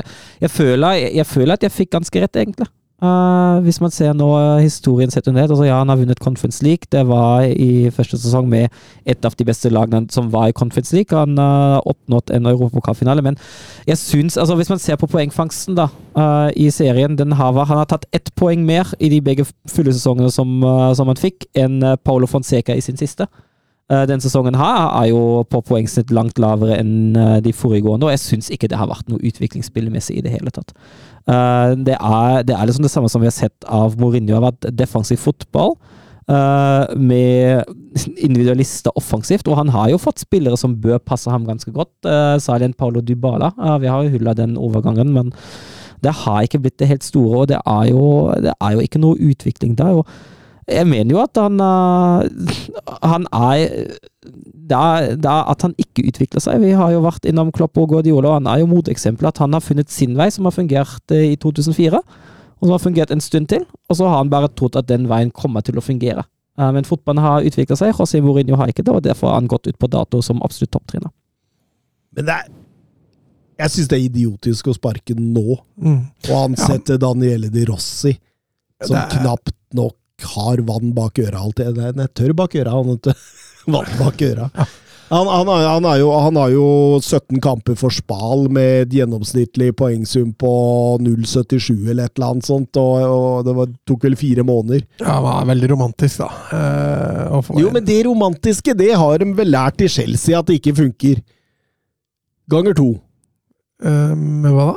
Frank Lampard. Å ja, men jeg har lært det flere steder. Juventus òg lærte det med Pirlo. Ja, Pirlo, ja. ja. Eh, Barca er i ferd med å lære det nå med Xavi. Ja. Selv om han har vunnet La Liga. Da, kanskje litt Men altså, fortsett her med Mourinho, i hvert fall ut sesongen, da. ja, altså, Mourinho syns jeg har gjort to kardinalfeil. Altså, jeg, vi skal ikke undergrave at de vant Conference League. De var i en Europa League-finale. Altså, forutsetningene for at Roma skulle sitte igjen med et trofé, et europeisk trofé, var ikke så voldsomt store når Mourinho tok over Roma. Altså, han, han har jo gjort eh, totalt sett en, en god jobb, eller en grei jobb. Men han har gjort to kardinalfeil. Det ene var den feilen han gjorde på slutten av fjoråret, hvor han gikk all in for å vinne Europa, og dreit i serien. Eh, han skulle nesten gjort omvendt. Da hadde de spilt Champions League. Eh, og eh, tappe Europaligafinalen, det hadde de jo gjort da uansett. Men da, da Det at han nå har vært der nå i det har blitt tre år Han har ikke klart å komme inn i Champions League. Og jeg tror det er det siste der som faller litt nå. Og så har han antageligvis sitt beste lag nå, som han noen gang har hatt. Og de har prestert kanskje den dårligste sesongstarten de har hatt under José Mourinho. Så øh, hvis de først skulle sparke den, da, så, så er det jo like greit å bare gjøre det nå. Men jeg er enig med deg. Jeg syns dette virker veldig rart. Nei, men det er, det, er, det er jo Altså, han har jo Hvor mange røde kort har han fått? Ja, det er mange. Han sitter jo mer på Ja, tribunen. ja det, det er litt det. Altså, jeg tror det har spilt inn det òg. og så kan det fort hende at det er noe med Altså, det er jo tredje året til Mourinho. Uh, det kan fort hende at han var på vei til å miste garderoben. Gudene veit. Ja, ja. Han, eh, han var jo til og med i ferd med å miste litt av de uh, supporterne som hylla han og, og Ja, han sånn, var veldig godt likt etter Europa League-finalen de Ja, tapte. men, men, men det, det handla etter, etter hva jeg har forstått, da. Jeg har vært inne på litt sånn Roma-sider og sånn. Så det de henger seg veldig opp i, det er eh, at de taper stort sett mot de beste, og de gjør det på en måte som gjør at det, det ser ikke ut som de prøver. Mm. Og at det er liksom Det høres kjent ut, det. Ja, det er litt sånn Wolfsburg-takter over det der. der også. Det, det med disiplinærproblemene og sånn, det tror jeg ikke italienere stort sett bryr seg så veldig mye om. Altså, de, de skriver det under eh, engasjement, og så, og så tar de det der. Men, men niendeplass Men det er ikke voldsomt langt unna Champions League Nei, de er bare fire, nei, fem poeng bak. Ja, og, Fjerdeplassen. og det, det, det, men det, er, det er jo det å ha en plan etter du har gjort noe. Det er her, altså Daniele Di Rossi, det virker bare som at eh, nå skal vi få en gammel helt med på laget. Ja, men det, det, skal du ikke, det skal du ikke utelukke var en, var en av grunnene, det jo heller, altså. Det, at man Får i hvert fall supporterne på din side, da. mm, Ja, man ikke sant? Og det får en klubblegende da, som uh, Men, uansett, men, men, og uansett men de vender seg fort hvis det går nedover på tabellen videre. Stemmer nok, det. Jo, men da rettferdiggjør de sparkinga i langt større grad nå. Ja. Du får Ja, ikke supporterne på nakken fordi Ja. du får inn en klubblegende. Eh, som gjør at den overgangen kommer til å gå litt smoothere. Og så er det jo som du sier, at det er jo Sannsynligheten for at dette går dårligere, er jo større enn at dette går bedre. Vi hadde jo ikke vært strålende fornøyde, vi. Altså, vi, vi, vi husker jo på Åråsen når Kippe var en av de som leda laget etter at uh, Bakke dro. Var ikke veldig fornøyde. Nei, jeg, jeg var liksom fornøyd i to kamper. Ja, Nå starta jo med å vinne. Ja, var, Vant jo de to første. ja, det, det er derfor jeg sier vi var fornøyde i to kamper. Så nei. Eh, men eh, Nikolai, fotballmann, eh, hvor ser dere for dere Mourinho vende snuten etter å ha fått fyken? Ja, altså det er litt det, da, fordi Wolfsburg? Å, guri malla, nei, nei, nei. nei, Tenk om han drar tilbake til Chelsea. Nisselue på, nevner Newcastle. Men, altså, men de- den tida da Den tida da klubba på den hylla da er interessert i Mourinho, bør jo være forbi nå. Mm. Han er jo, han er Ja, jo Wolfsburg er neste på klasse. Ja. Åh, åh, Slutt. Uh, men Han tar Wolfsburg til en Han, han har veldig lyst til Bundesliga nå, for å jeg Runde det. helst, helst ikke. Ja, nå har han runda eh, Italia, Frank... Nei, Men det, det, er ikke noe, det, er ikke noe, det, er ikke, det er ikke noe stress. Vår første sparke Nico Kovac, det skjer jo åpenbart ikke. Jo, men nå er jo Mourinho ledig. ja, men det har De jeg har ikke ikke hatt si. gode alternativer, ikke sant? Eh, nei, men, altså, men det er litt det, da, for det er litt sånn spennende, fordi jeg tror at Mourinho sjøl mener at han er Det er liksom den Ronaldo-problematikken, da. At han mener sjøl at han er bedre enn det han egentlig er, da. Mm. Eh, at han, han mener at han, han hører hjemme i det øverste toppsjiktet. At, han, eh, at han skal ha en sånn, eh, sånn storhetsklubb. Eh, men storhetsklubbene bør jo ikke akkurat stå i kø hos sammen, da. Nei, hvis det er noen klubber på vei opp og fram, eller klubber som er i toppen, som tar i han nå Det da skjønner, skjønner jeg ingenting av. Altså. altså. Jeg meldte det samme når han fikk fyken i Manchester United, det. Så du veit aldri. Jo, men han, det Roma- virker som han har ni liv, da. Men Roma er liksom hakket under United igjen, Ja, på en måte. Ja da. da, ja, da han har, og, og, og Tottenham under der, og så Mm. Roma. Så, Ja, det- Ja, han Det har jo gått nedover. Det, altså, det kan jo hende at han får Hvis, hvis han skal en toppklubb, tror jeg må ha han i Portugal. ja. ja. Jeg, jeg tror han, det blir TV-studio på han. Og, og, Eller Saudi-Arabia. Og, og ja, ja. ja. Det var et godt tips. Mm. Det var et veldig godt tips. Og han, han, jeg veit ikke, men han slår meg litt som typen som fint kan uh, Nå begynner det å bli mye rykter om disse Saudi-Arabia-spillere som vil til helvete komme seg vekk derfra. Så. Ja. Det, det, det, de har fylt opp lommeboka allerede, ikke sant? Men er- hørte, du- hørte du den podkasten med Abal Pellegrino? Nei. Han dro jo til Saudi-Arabia. Hadde kontrakt på 18 måneder og dro hjem etter 6. Fikk betalt for 16 måneder. Ja, Det er grei det er greit. Det Ja. er greit. Tipper han har greit. Det er sånn det skal være. Eh, Lazio vinner 1-0 over Lecce og slåss seg oppover på tabellen igjen. Det så nesten ut som det skulle bli en sesong utafor europadiskusjonen. I november-desember vel så det vel ganske mørkt ut, men plutselig klarer de å sy sammen en rekke igjen og er på full fart oppover. Eh, imponerende. Cagliari, Bologna 2-1. Det var litt sånn denne helgen at eh, overraskelseslagenes fall, Stuttgart, Girona Vi kommer tilbake til NIS litt seinere. så kan vi ta med at Atalanta knuste Frosinone 5-0 i går kveld, og Juventus eh, spiller mot Sassolo i dag, og det var 1-0. Ja. Begynte å nærme seg pause. Ja, 25 spilt. Ja, det var såpass tidlig, ja. Å, fy faen. Den er kjip å se på nå, tror jeg. Vi tar en liten runde i ligaen. sur la frappe de Messi de, De de Mercado, Mercado, oui. Mercado, et, et là aussi on a un petit peu de réussite. Griezmann sur l'appui, c'était bien joué avec Giroud. Oh, Sylvain Oh, Sylvain, il l'a vu Oui. Kylian Mbappé Kylian Mbappé, il l'a vu Ça fait 4 Et ça fait peut-être un quart de finale pour l'équipe de France. 68e minute.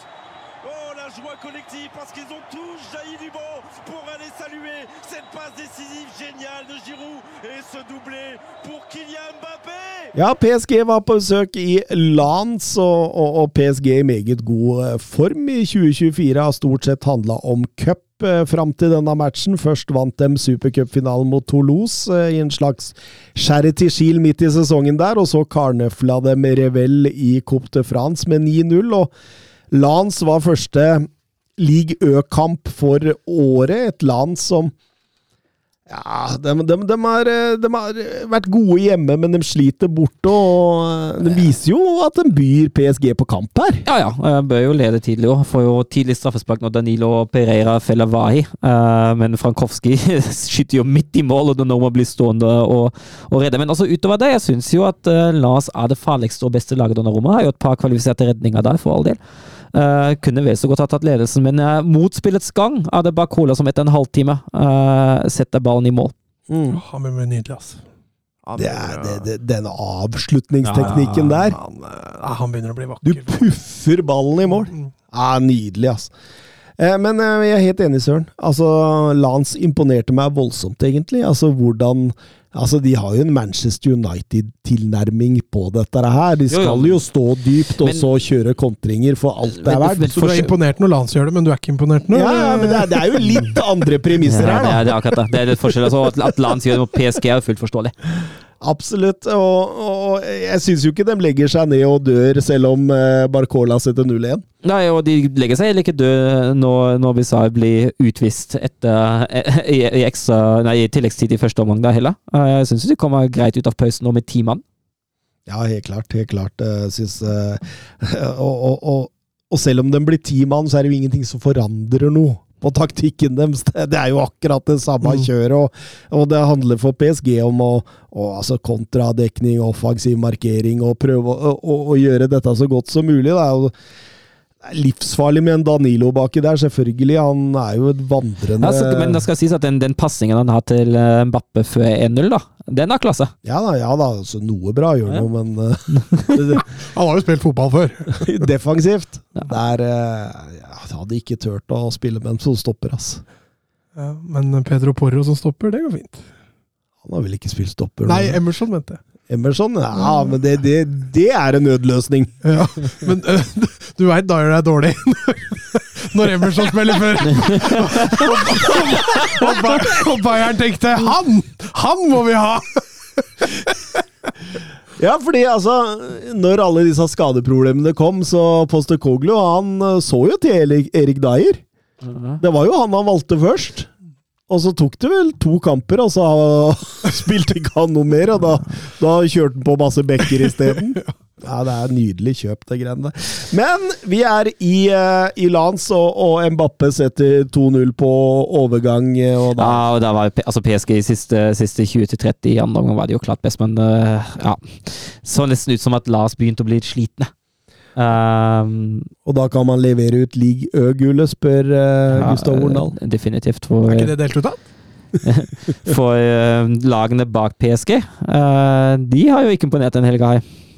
Nei, absolutt ikke. Marseille taper poeng hjemme mot Strasbourg. Eh, Monaco taper 1-3 mot Stade Rem, og, og, og Nis taper 2-0 mot Rennes borte, så det det, det, det, er blytungt. Det er eh, Brest, da, som begynner å klatre opp i toppen der. Og, nei, det er, det er ganske Altså, bak PSG så er det ikke lett å forstå denne tabellen og de resultatene og hva som skjer i ligaøy innimellom. Nei, det, er- det er veldig mye ukonstant. Det er det. Og, og NIS, det ser ut som det er på vei ned nå igjen. Det rakner sakte, men sikkert. Og det skulle ikke forundre meg om det blir eh, Brest og, og Stade Rem som tar de neste plassene. Det hadde vært litt kult, da. Vill Jo, men for fransk fotball så er det jo døden. Ja, ja, ja. Men det, det har vært kult for oss andre. Ja, for Vebjørn Fredheim vil ha en Vill Still-update. Uh, har det vært linket til større klubber? Uh, så vidt jeg veit, så var det vel bare den Sunderland-linken som han selv gikk ut og sa at bare var piss. Eh, Pro-lisensen er i, i boks. Han er 30 år, han har ikke hastverk, han. Nei, og så tror jeg han Altså, han har fått en standing da, i, eh, i Rem nå, som gjør at han sitter veldig godt der. Så jeg tror at han skal til å regne seg og suge til seg all erfaringen han kan der. Om det blir ut sesongen og så videre, eller om det blir to-tre sesonger, det mm, tror jeg, jeg tror jeg han venta veldig på det rette tilbudet. Eh, hvis det er eh, Valencia eller noe sånt som kommer på banen der, så tror jeg hadde hoppa glatt av det òg, eksempel. Så må vi ta at etter tre strake seire i Ligue og videre i Coupe de France, så tapte Lyon igjen hjemme mot Le Havre, men det virker såpass bra under Pierre Sarge nå at eh, jeg tror det skal ordne seg uansett. Det blir ikke nedrykk, nei, hvis det var det du mente, ja. Det var det jeg mente. Fikk jo to røde kort der også. Nei, For å ordne seg, det er litt lengre fram for Lyon, for det er litt større problemer enn bare ne Ikke større problemer, kanskje, men det er andre problemer enn bare nedrykk, ja. Åtte poeng fra Paris Saint-Germain ned til Nice nå. Eh, 34 poeng har Brest på en tredjeplass, og så følger Monaco, Lille og Stade Rennes. Eh, Marseille rett bak der. Skal vi gå over til europahjørnet, eller? Ja. Bra jobba, gutta! Bra ball! Nei! Ah, grei offside. Tor Håkon, den er grei. Bøkka. Tor Håkon! Nei, Tor Håkon, det var din egen skyld. Ikke bli sint for det, i hvert fall. da. Tor Håkon, ikke kjeft på dommeren. Og ikke kjeft på dommeren. Tor Håkon, nå hører du på dommeren. Det er hver gang, altså. Hver gang. han er. Yes, vi kan begynne i eh, Portugal med Benfica mot Rio av. Benfica henta jo Marcos Leonardo fra Santos nå for 18 millioner euro. Et av de større angrepstalentene fra, fra Sør-Amerika. En typisk Benfica-signering. De har også los på Prestiani, som er eh, på vei inn, men han kan ikke skrive under kontrakt før han er fylt 18. Og Alvaro Fernandez eh, skal også være veldig nær fra Manchester United, så det er veldig sånn typiske Benfica-signeringer her. Eh, Spennende, alle tre. Eh, Så, så, så det syns jeg var litt gøy, fordi jeg føler kanskje at det Benfica-laget har blitt litt gråere etter at man minsta spillere som Enzo Fernandes og, Darwin. og Darwin Nunes og sånt. Så, så man trengte liksom Litt, litt påfyll nå. litt sexy. Ja, litt, litt mer sexy. og ja, de, de får en skikkelig kalddusj. Goga setter 0-1 tidlig der etter passivt forsvarsspill, og den er virkelig ikke påskrudd i det hele tatt. Det kunne stått 2-0 der. Trobin har en nydelig benparade, blant annet fra Emanuel Boateng. Eh, ikke lenge etter den store sjansen til Rio Aver, så smeller jo da den andre veien Di Maria etter en flott overgang, og da har man i hvert fall 1-1 inn til pause i en elendig omgang sånn i forhold til hva Benfica kan levere. Eh, rett ut fra pause kunne ligget under igjen, altså Rio Ave med nok en stor sjanse. Boateng igjen, som jeg, jeg, Trobin redder, og så header han sjøl i stolpen, hvis du skjønner hva jeg mener. Han skaller i stolpen. Det ser så vondt ut. Um, og rett etter så er Gracia også i stolpen nok en gang, så de, de, de henger skikkelig i hælene. Eh, skikk, de, de, sliter voldsomt, altså. Eh, du ser Roger Schmidt er veldig frustrert på sidelinja der. Og så er det det som liksom på en måte snur kampen her, da. Eh, Santos får to gule, det siste for viljen hans. De Rio Av blir, blir ned i ti mann, og da, da tar det ikke lang tid før Antonio Silva setter 2-1. Eh, henger igjen etter en corner og banker inn 2-1. Eh, så får Marcos Leonardo sin debut, og det tar ikke lang tid før han setter 3-1. Eh, kommer selvsagt til å bli et monsterhit. Og så setter Joao Mario Han løper inn 4-1 på overtid, og da da vinner de ganske greit til slutt, men det, det, det var eh, en time elleve 11 ja, altså, det var en time 11 mot 11 som ikke var bra i det hele tatt. Altså. Skal det sies at eh, det var Aursnes som hadde assisten til Marcos Leonardos første scoring i Europa, så hvis han blir en monster hit, så er det en litt sånn kul fun fact. Eh, Sporting eh, vinner 3-0 over Chávez, full kontroll der, og, og Porto vinner 2-0 i toppkampen mot Braga der, så dermed er det mm, Sporting som leder ett poeng foran Benfica, med en liten luke til Porto på treet, og så en liten luke igjen til Braga på fjerde der. Dupkern? Ja, jeg har bestemt meg for å forlate Ajax en måneds tid, ja. Jeg skal, Oi, oi, oi! jeg skal følge Afrikacupen. Uh, gledelig at den uh, endte opp med å bli vist på TV likevel. Uh, for jeg er veldig glad i Afrikacupen. Jeg syns det er gøy. Passer jo kanskje ikke helt å kalle det for Europahjørnet nå de neste ukene, men uh, Afrikahjørnet!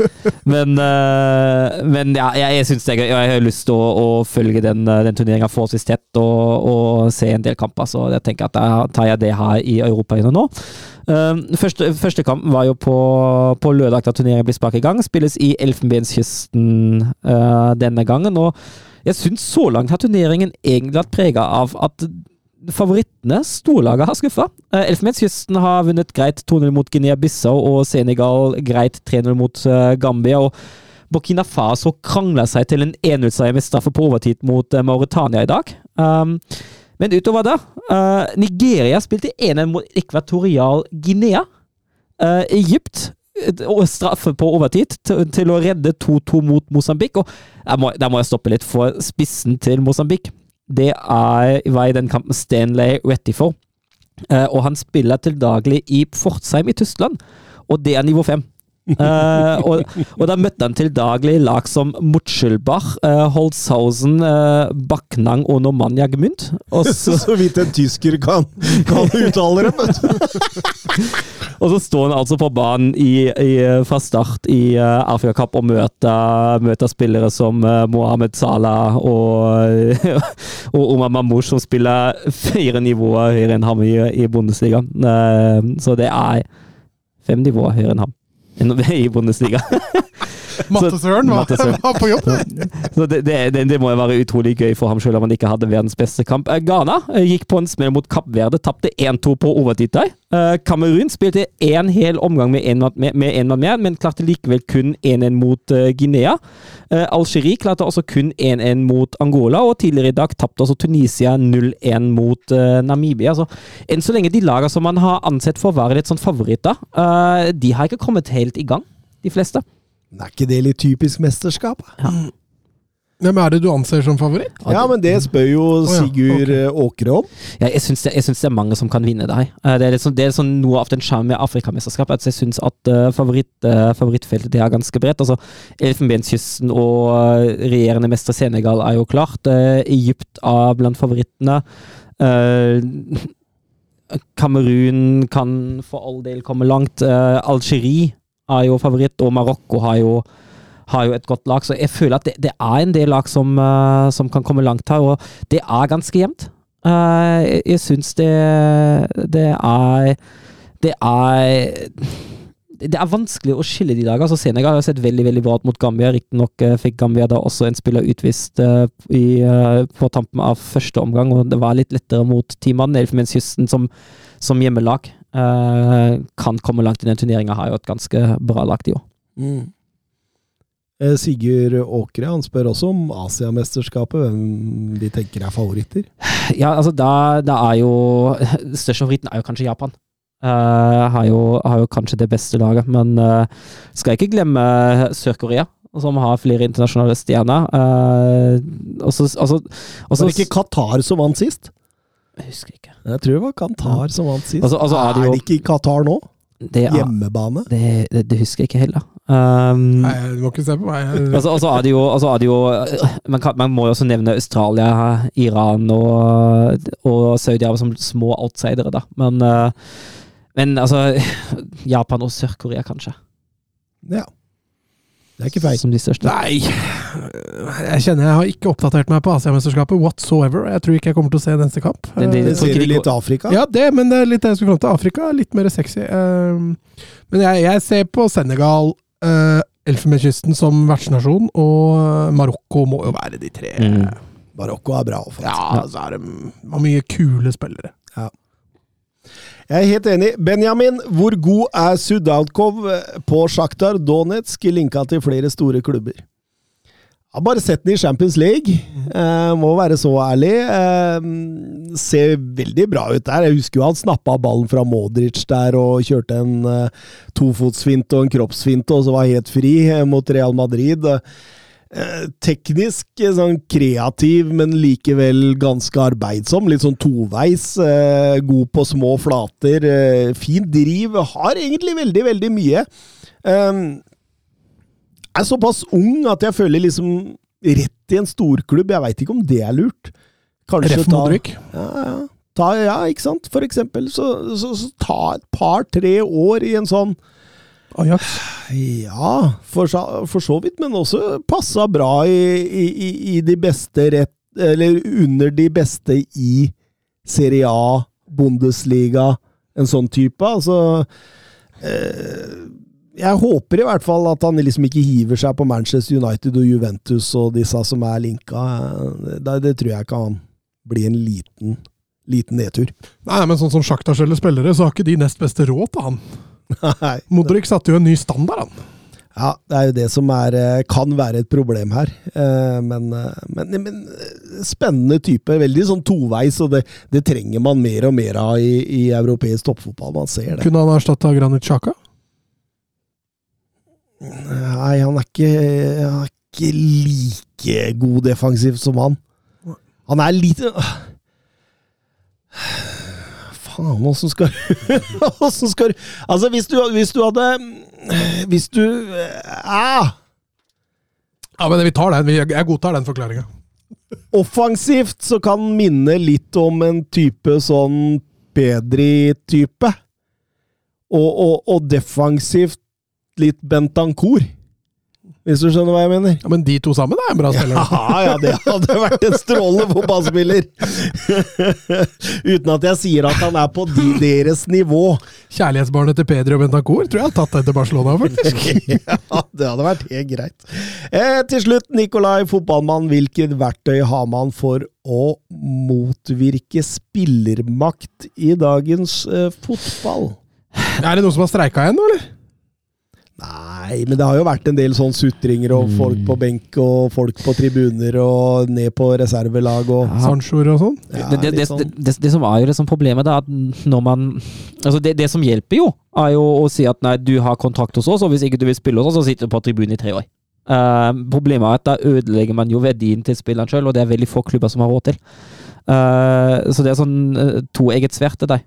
Eh, at Du skaffer deg en dårlig standing. Ja, det, det, det er ikke bare det, men ja, ja, det jeg kommer i tillegg. Uh, så altså, du kan gjøre det med sånn skikkelig problemer hvis du har en som virkelig er helt uregjerlig Uh, en sjelden gang. Uh, så er det greit, kan du alltid påpeke at dette har jo et enkelttilfelle og, og alt det der. Uh, hvis du gjør det fem ganger og nekter å spille og dra videre, så særlig for klubber som ligger sånn i, middel, i mellomsjiktet, Dortmund har ikke råd til å, til å nekte Haaland, Bellingham og Sancho å dra videre altfor ofte. Eh, For da er det flere talenter som kommer til dem når de har lagt seg inn på den lista, ikke sant. Um, og så som sagt, hvis du, hvis du setter en, eh, et stort talent som vil videre på tribunen i tre år, uh, får du ingenting for han. Ødelegger karrieren hans, det er greit, det, men det er jo, det er jo gjerne ikke verdt det. Det er det som er problemet. Det er ikke verdt for klubbene å, å være sta uh, bare for å stå på det. Da er det lettere å selge den til en sum som klubben kan, uh, kan leve med.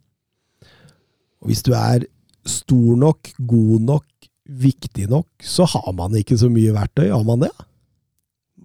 Altså, Altså, se bare, altså, der fikk jo Dortmund vilja si, da, men, men Dembélé, da, som Mm. er et godt eksempel, som valgte å ikke dukke opp på trening og kamp til han fikk lov til å dra. Det er jo som Søren sier, altså, for en klubb som Dortmund, de kan jo bare de kan jo bare drite i det. De, vi må bare selge den, og fikk dem en jækla bra sum for den. altså De klaga vel ikke, men da Sancho da i United United tror jeg kunne hatt råd til å si til Sancho at sorry, da er du fotballkarriere er ferdig. Mm. Men United er ikke tjent med det. Sancho er ikke tjent med det. Eh, Jeg tror til og med Ten Hag ser det på som en liten byrde, å bare ha han i troppen.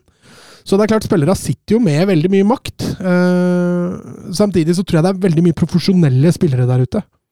Som veit at eh, jeg har en Altså, jeg har en forpliktelse til klubben jeg er i, da. Jeg har sjøl valgt å skrive under på en femårskontrakt. Så når da kommer en større og bedre klubb, så, så er det mange der ute som er også veldig profesjonelle og bare forholder seg til det. Mm. Selv om man kanskje innerst inne vil til United, man vil til City, man vil, vil dit. Og, og så har du noen få eksempler som velger å gå ut i streik, mens de aller fleste velger å fortsette å jobbe videre. Ja, det, det ser vi. Altså, det har vi jo sett med, med for eksempel da igjen på Dortmund, både Sancho og Bellingham. Uh, Sancho har vært rykte på lenge før han dro, uh, men Sancho har jo aldri vært den typen som, uh, som blitt sur på klubben for å måtte spille i Dortmund ett år til. Uh, det samme gjelder Bellingham. Bellingham kunne ha dratt tidligere om han absolutt ville. Haaland òg. mm. Men, Kane. ja, det er ikke sant. Og det, det, er, det, er mange, det er mange spillere som som altså, det, det er jo det er mange spillere, eller også klubbsjefer, som ofte snakker om sånn gentleman's agreement. Uh, at når, når det gir mening for alle sider, så er det greit. Uh, og det er det mange som, uh, som holder høyt, heldigvis. Mm. Ja, nei, det er ikke lett. Det er en balansegang hele veien. Det er ingen som helst tvil om det. Men, men jeg, jeg tror man jo kan på mange måter oppsummere det som at eh, hvis eh, spillere er gode nok, så har man ikke så mange verktøy i skuffen. Og hvis spillere ikke er så, så innflytelsesrike, så har man langt flere verktøy i skuffen. Ja, altså det, det, det, som, det som kan jo hjelpe, er å utsette det hele med et år, da. Uh, at, at du, altså hvis du har en som streiker, og så må han spille det et år til, så kommer han til å spille det ene året, fordi han vet sjøl at han ødelegger markedsverdien sin og alle muligheter videre om han ikke gjør det. Taper litt lønn og alt Ja. mulig. Ja, ikke sant? Men, eh, men du, du, kan ikke gjøre, du kan ikke holde på dette særlig lenge. Nei, og så har du liksom alle disse bakmennene da, som jobber nesten mot klubba i enkelte, for de veit at de fyller lommene sine hvis, hvis det blir en overgang. Og, altså Moriba, da, som gikk til Leipzig, for eksempel, er et perfekt eksempel på, på hvor gæli det kan gå. da. Og Basha var jo ikke gira på å slippe han, men han hadde ett år igjen av kontrakta. Han nesten streika seg vekk, Mm. og fikk til slutt vilja si. og Det har ikke gått så veldig bra etterpå. Eh, så det fins jo eksempler egentlig alle veier, men samtidig så sitter jo også klubba med enorm makt. da, altså det finnes jo mange klubber der som har spillere de ikke vil ha. Mm. Og klubbene også sitter jo med den makta at eh, du spiller enten på reservelaget, eller så ber du agenten din finne deg en ny klubb. Ja, det, det er veldig få spillere. Altså, jeg har opplevd et par ganger i Wolfsburg, for da var det noen, eh, noen kandidater som fikk altfor mye betalt i forhold til uh, hva de egentlig kunne prestere. Men som regel syns ikke spillere det er gøy heller, så de drar jo som regel sin vei, de òg. Så sant du ikke heter Winston Bogarde. Ja, Men da var lønna såpass stor Det at det, det var verdt å, verdt Det, det er litt det, da. Det er når det kommer i de tilfellene at du overbetaler en spiller så hinsides, da, der- da får du et problem. Der har du også Samuel Umtiti. Jeg kan, kan fint nevne han også. Eh, Han også tjente ganske brukbart å ikke spille fotball. Nydelig, nydelig, nydelig. Nei, skal vi si takk for oss? Det kan vi gjøre. Ha det. Adjø. Adjø.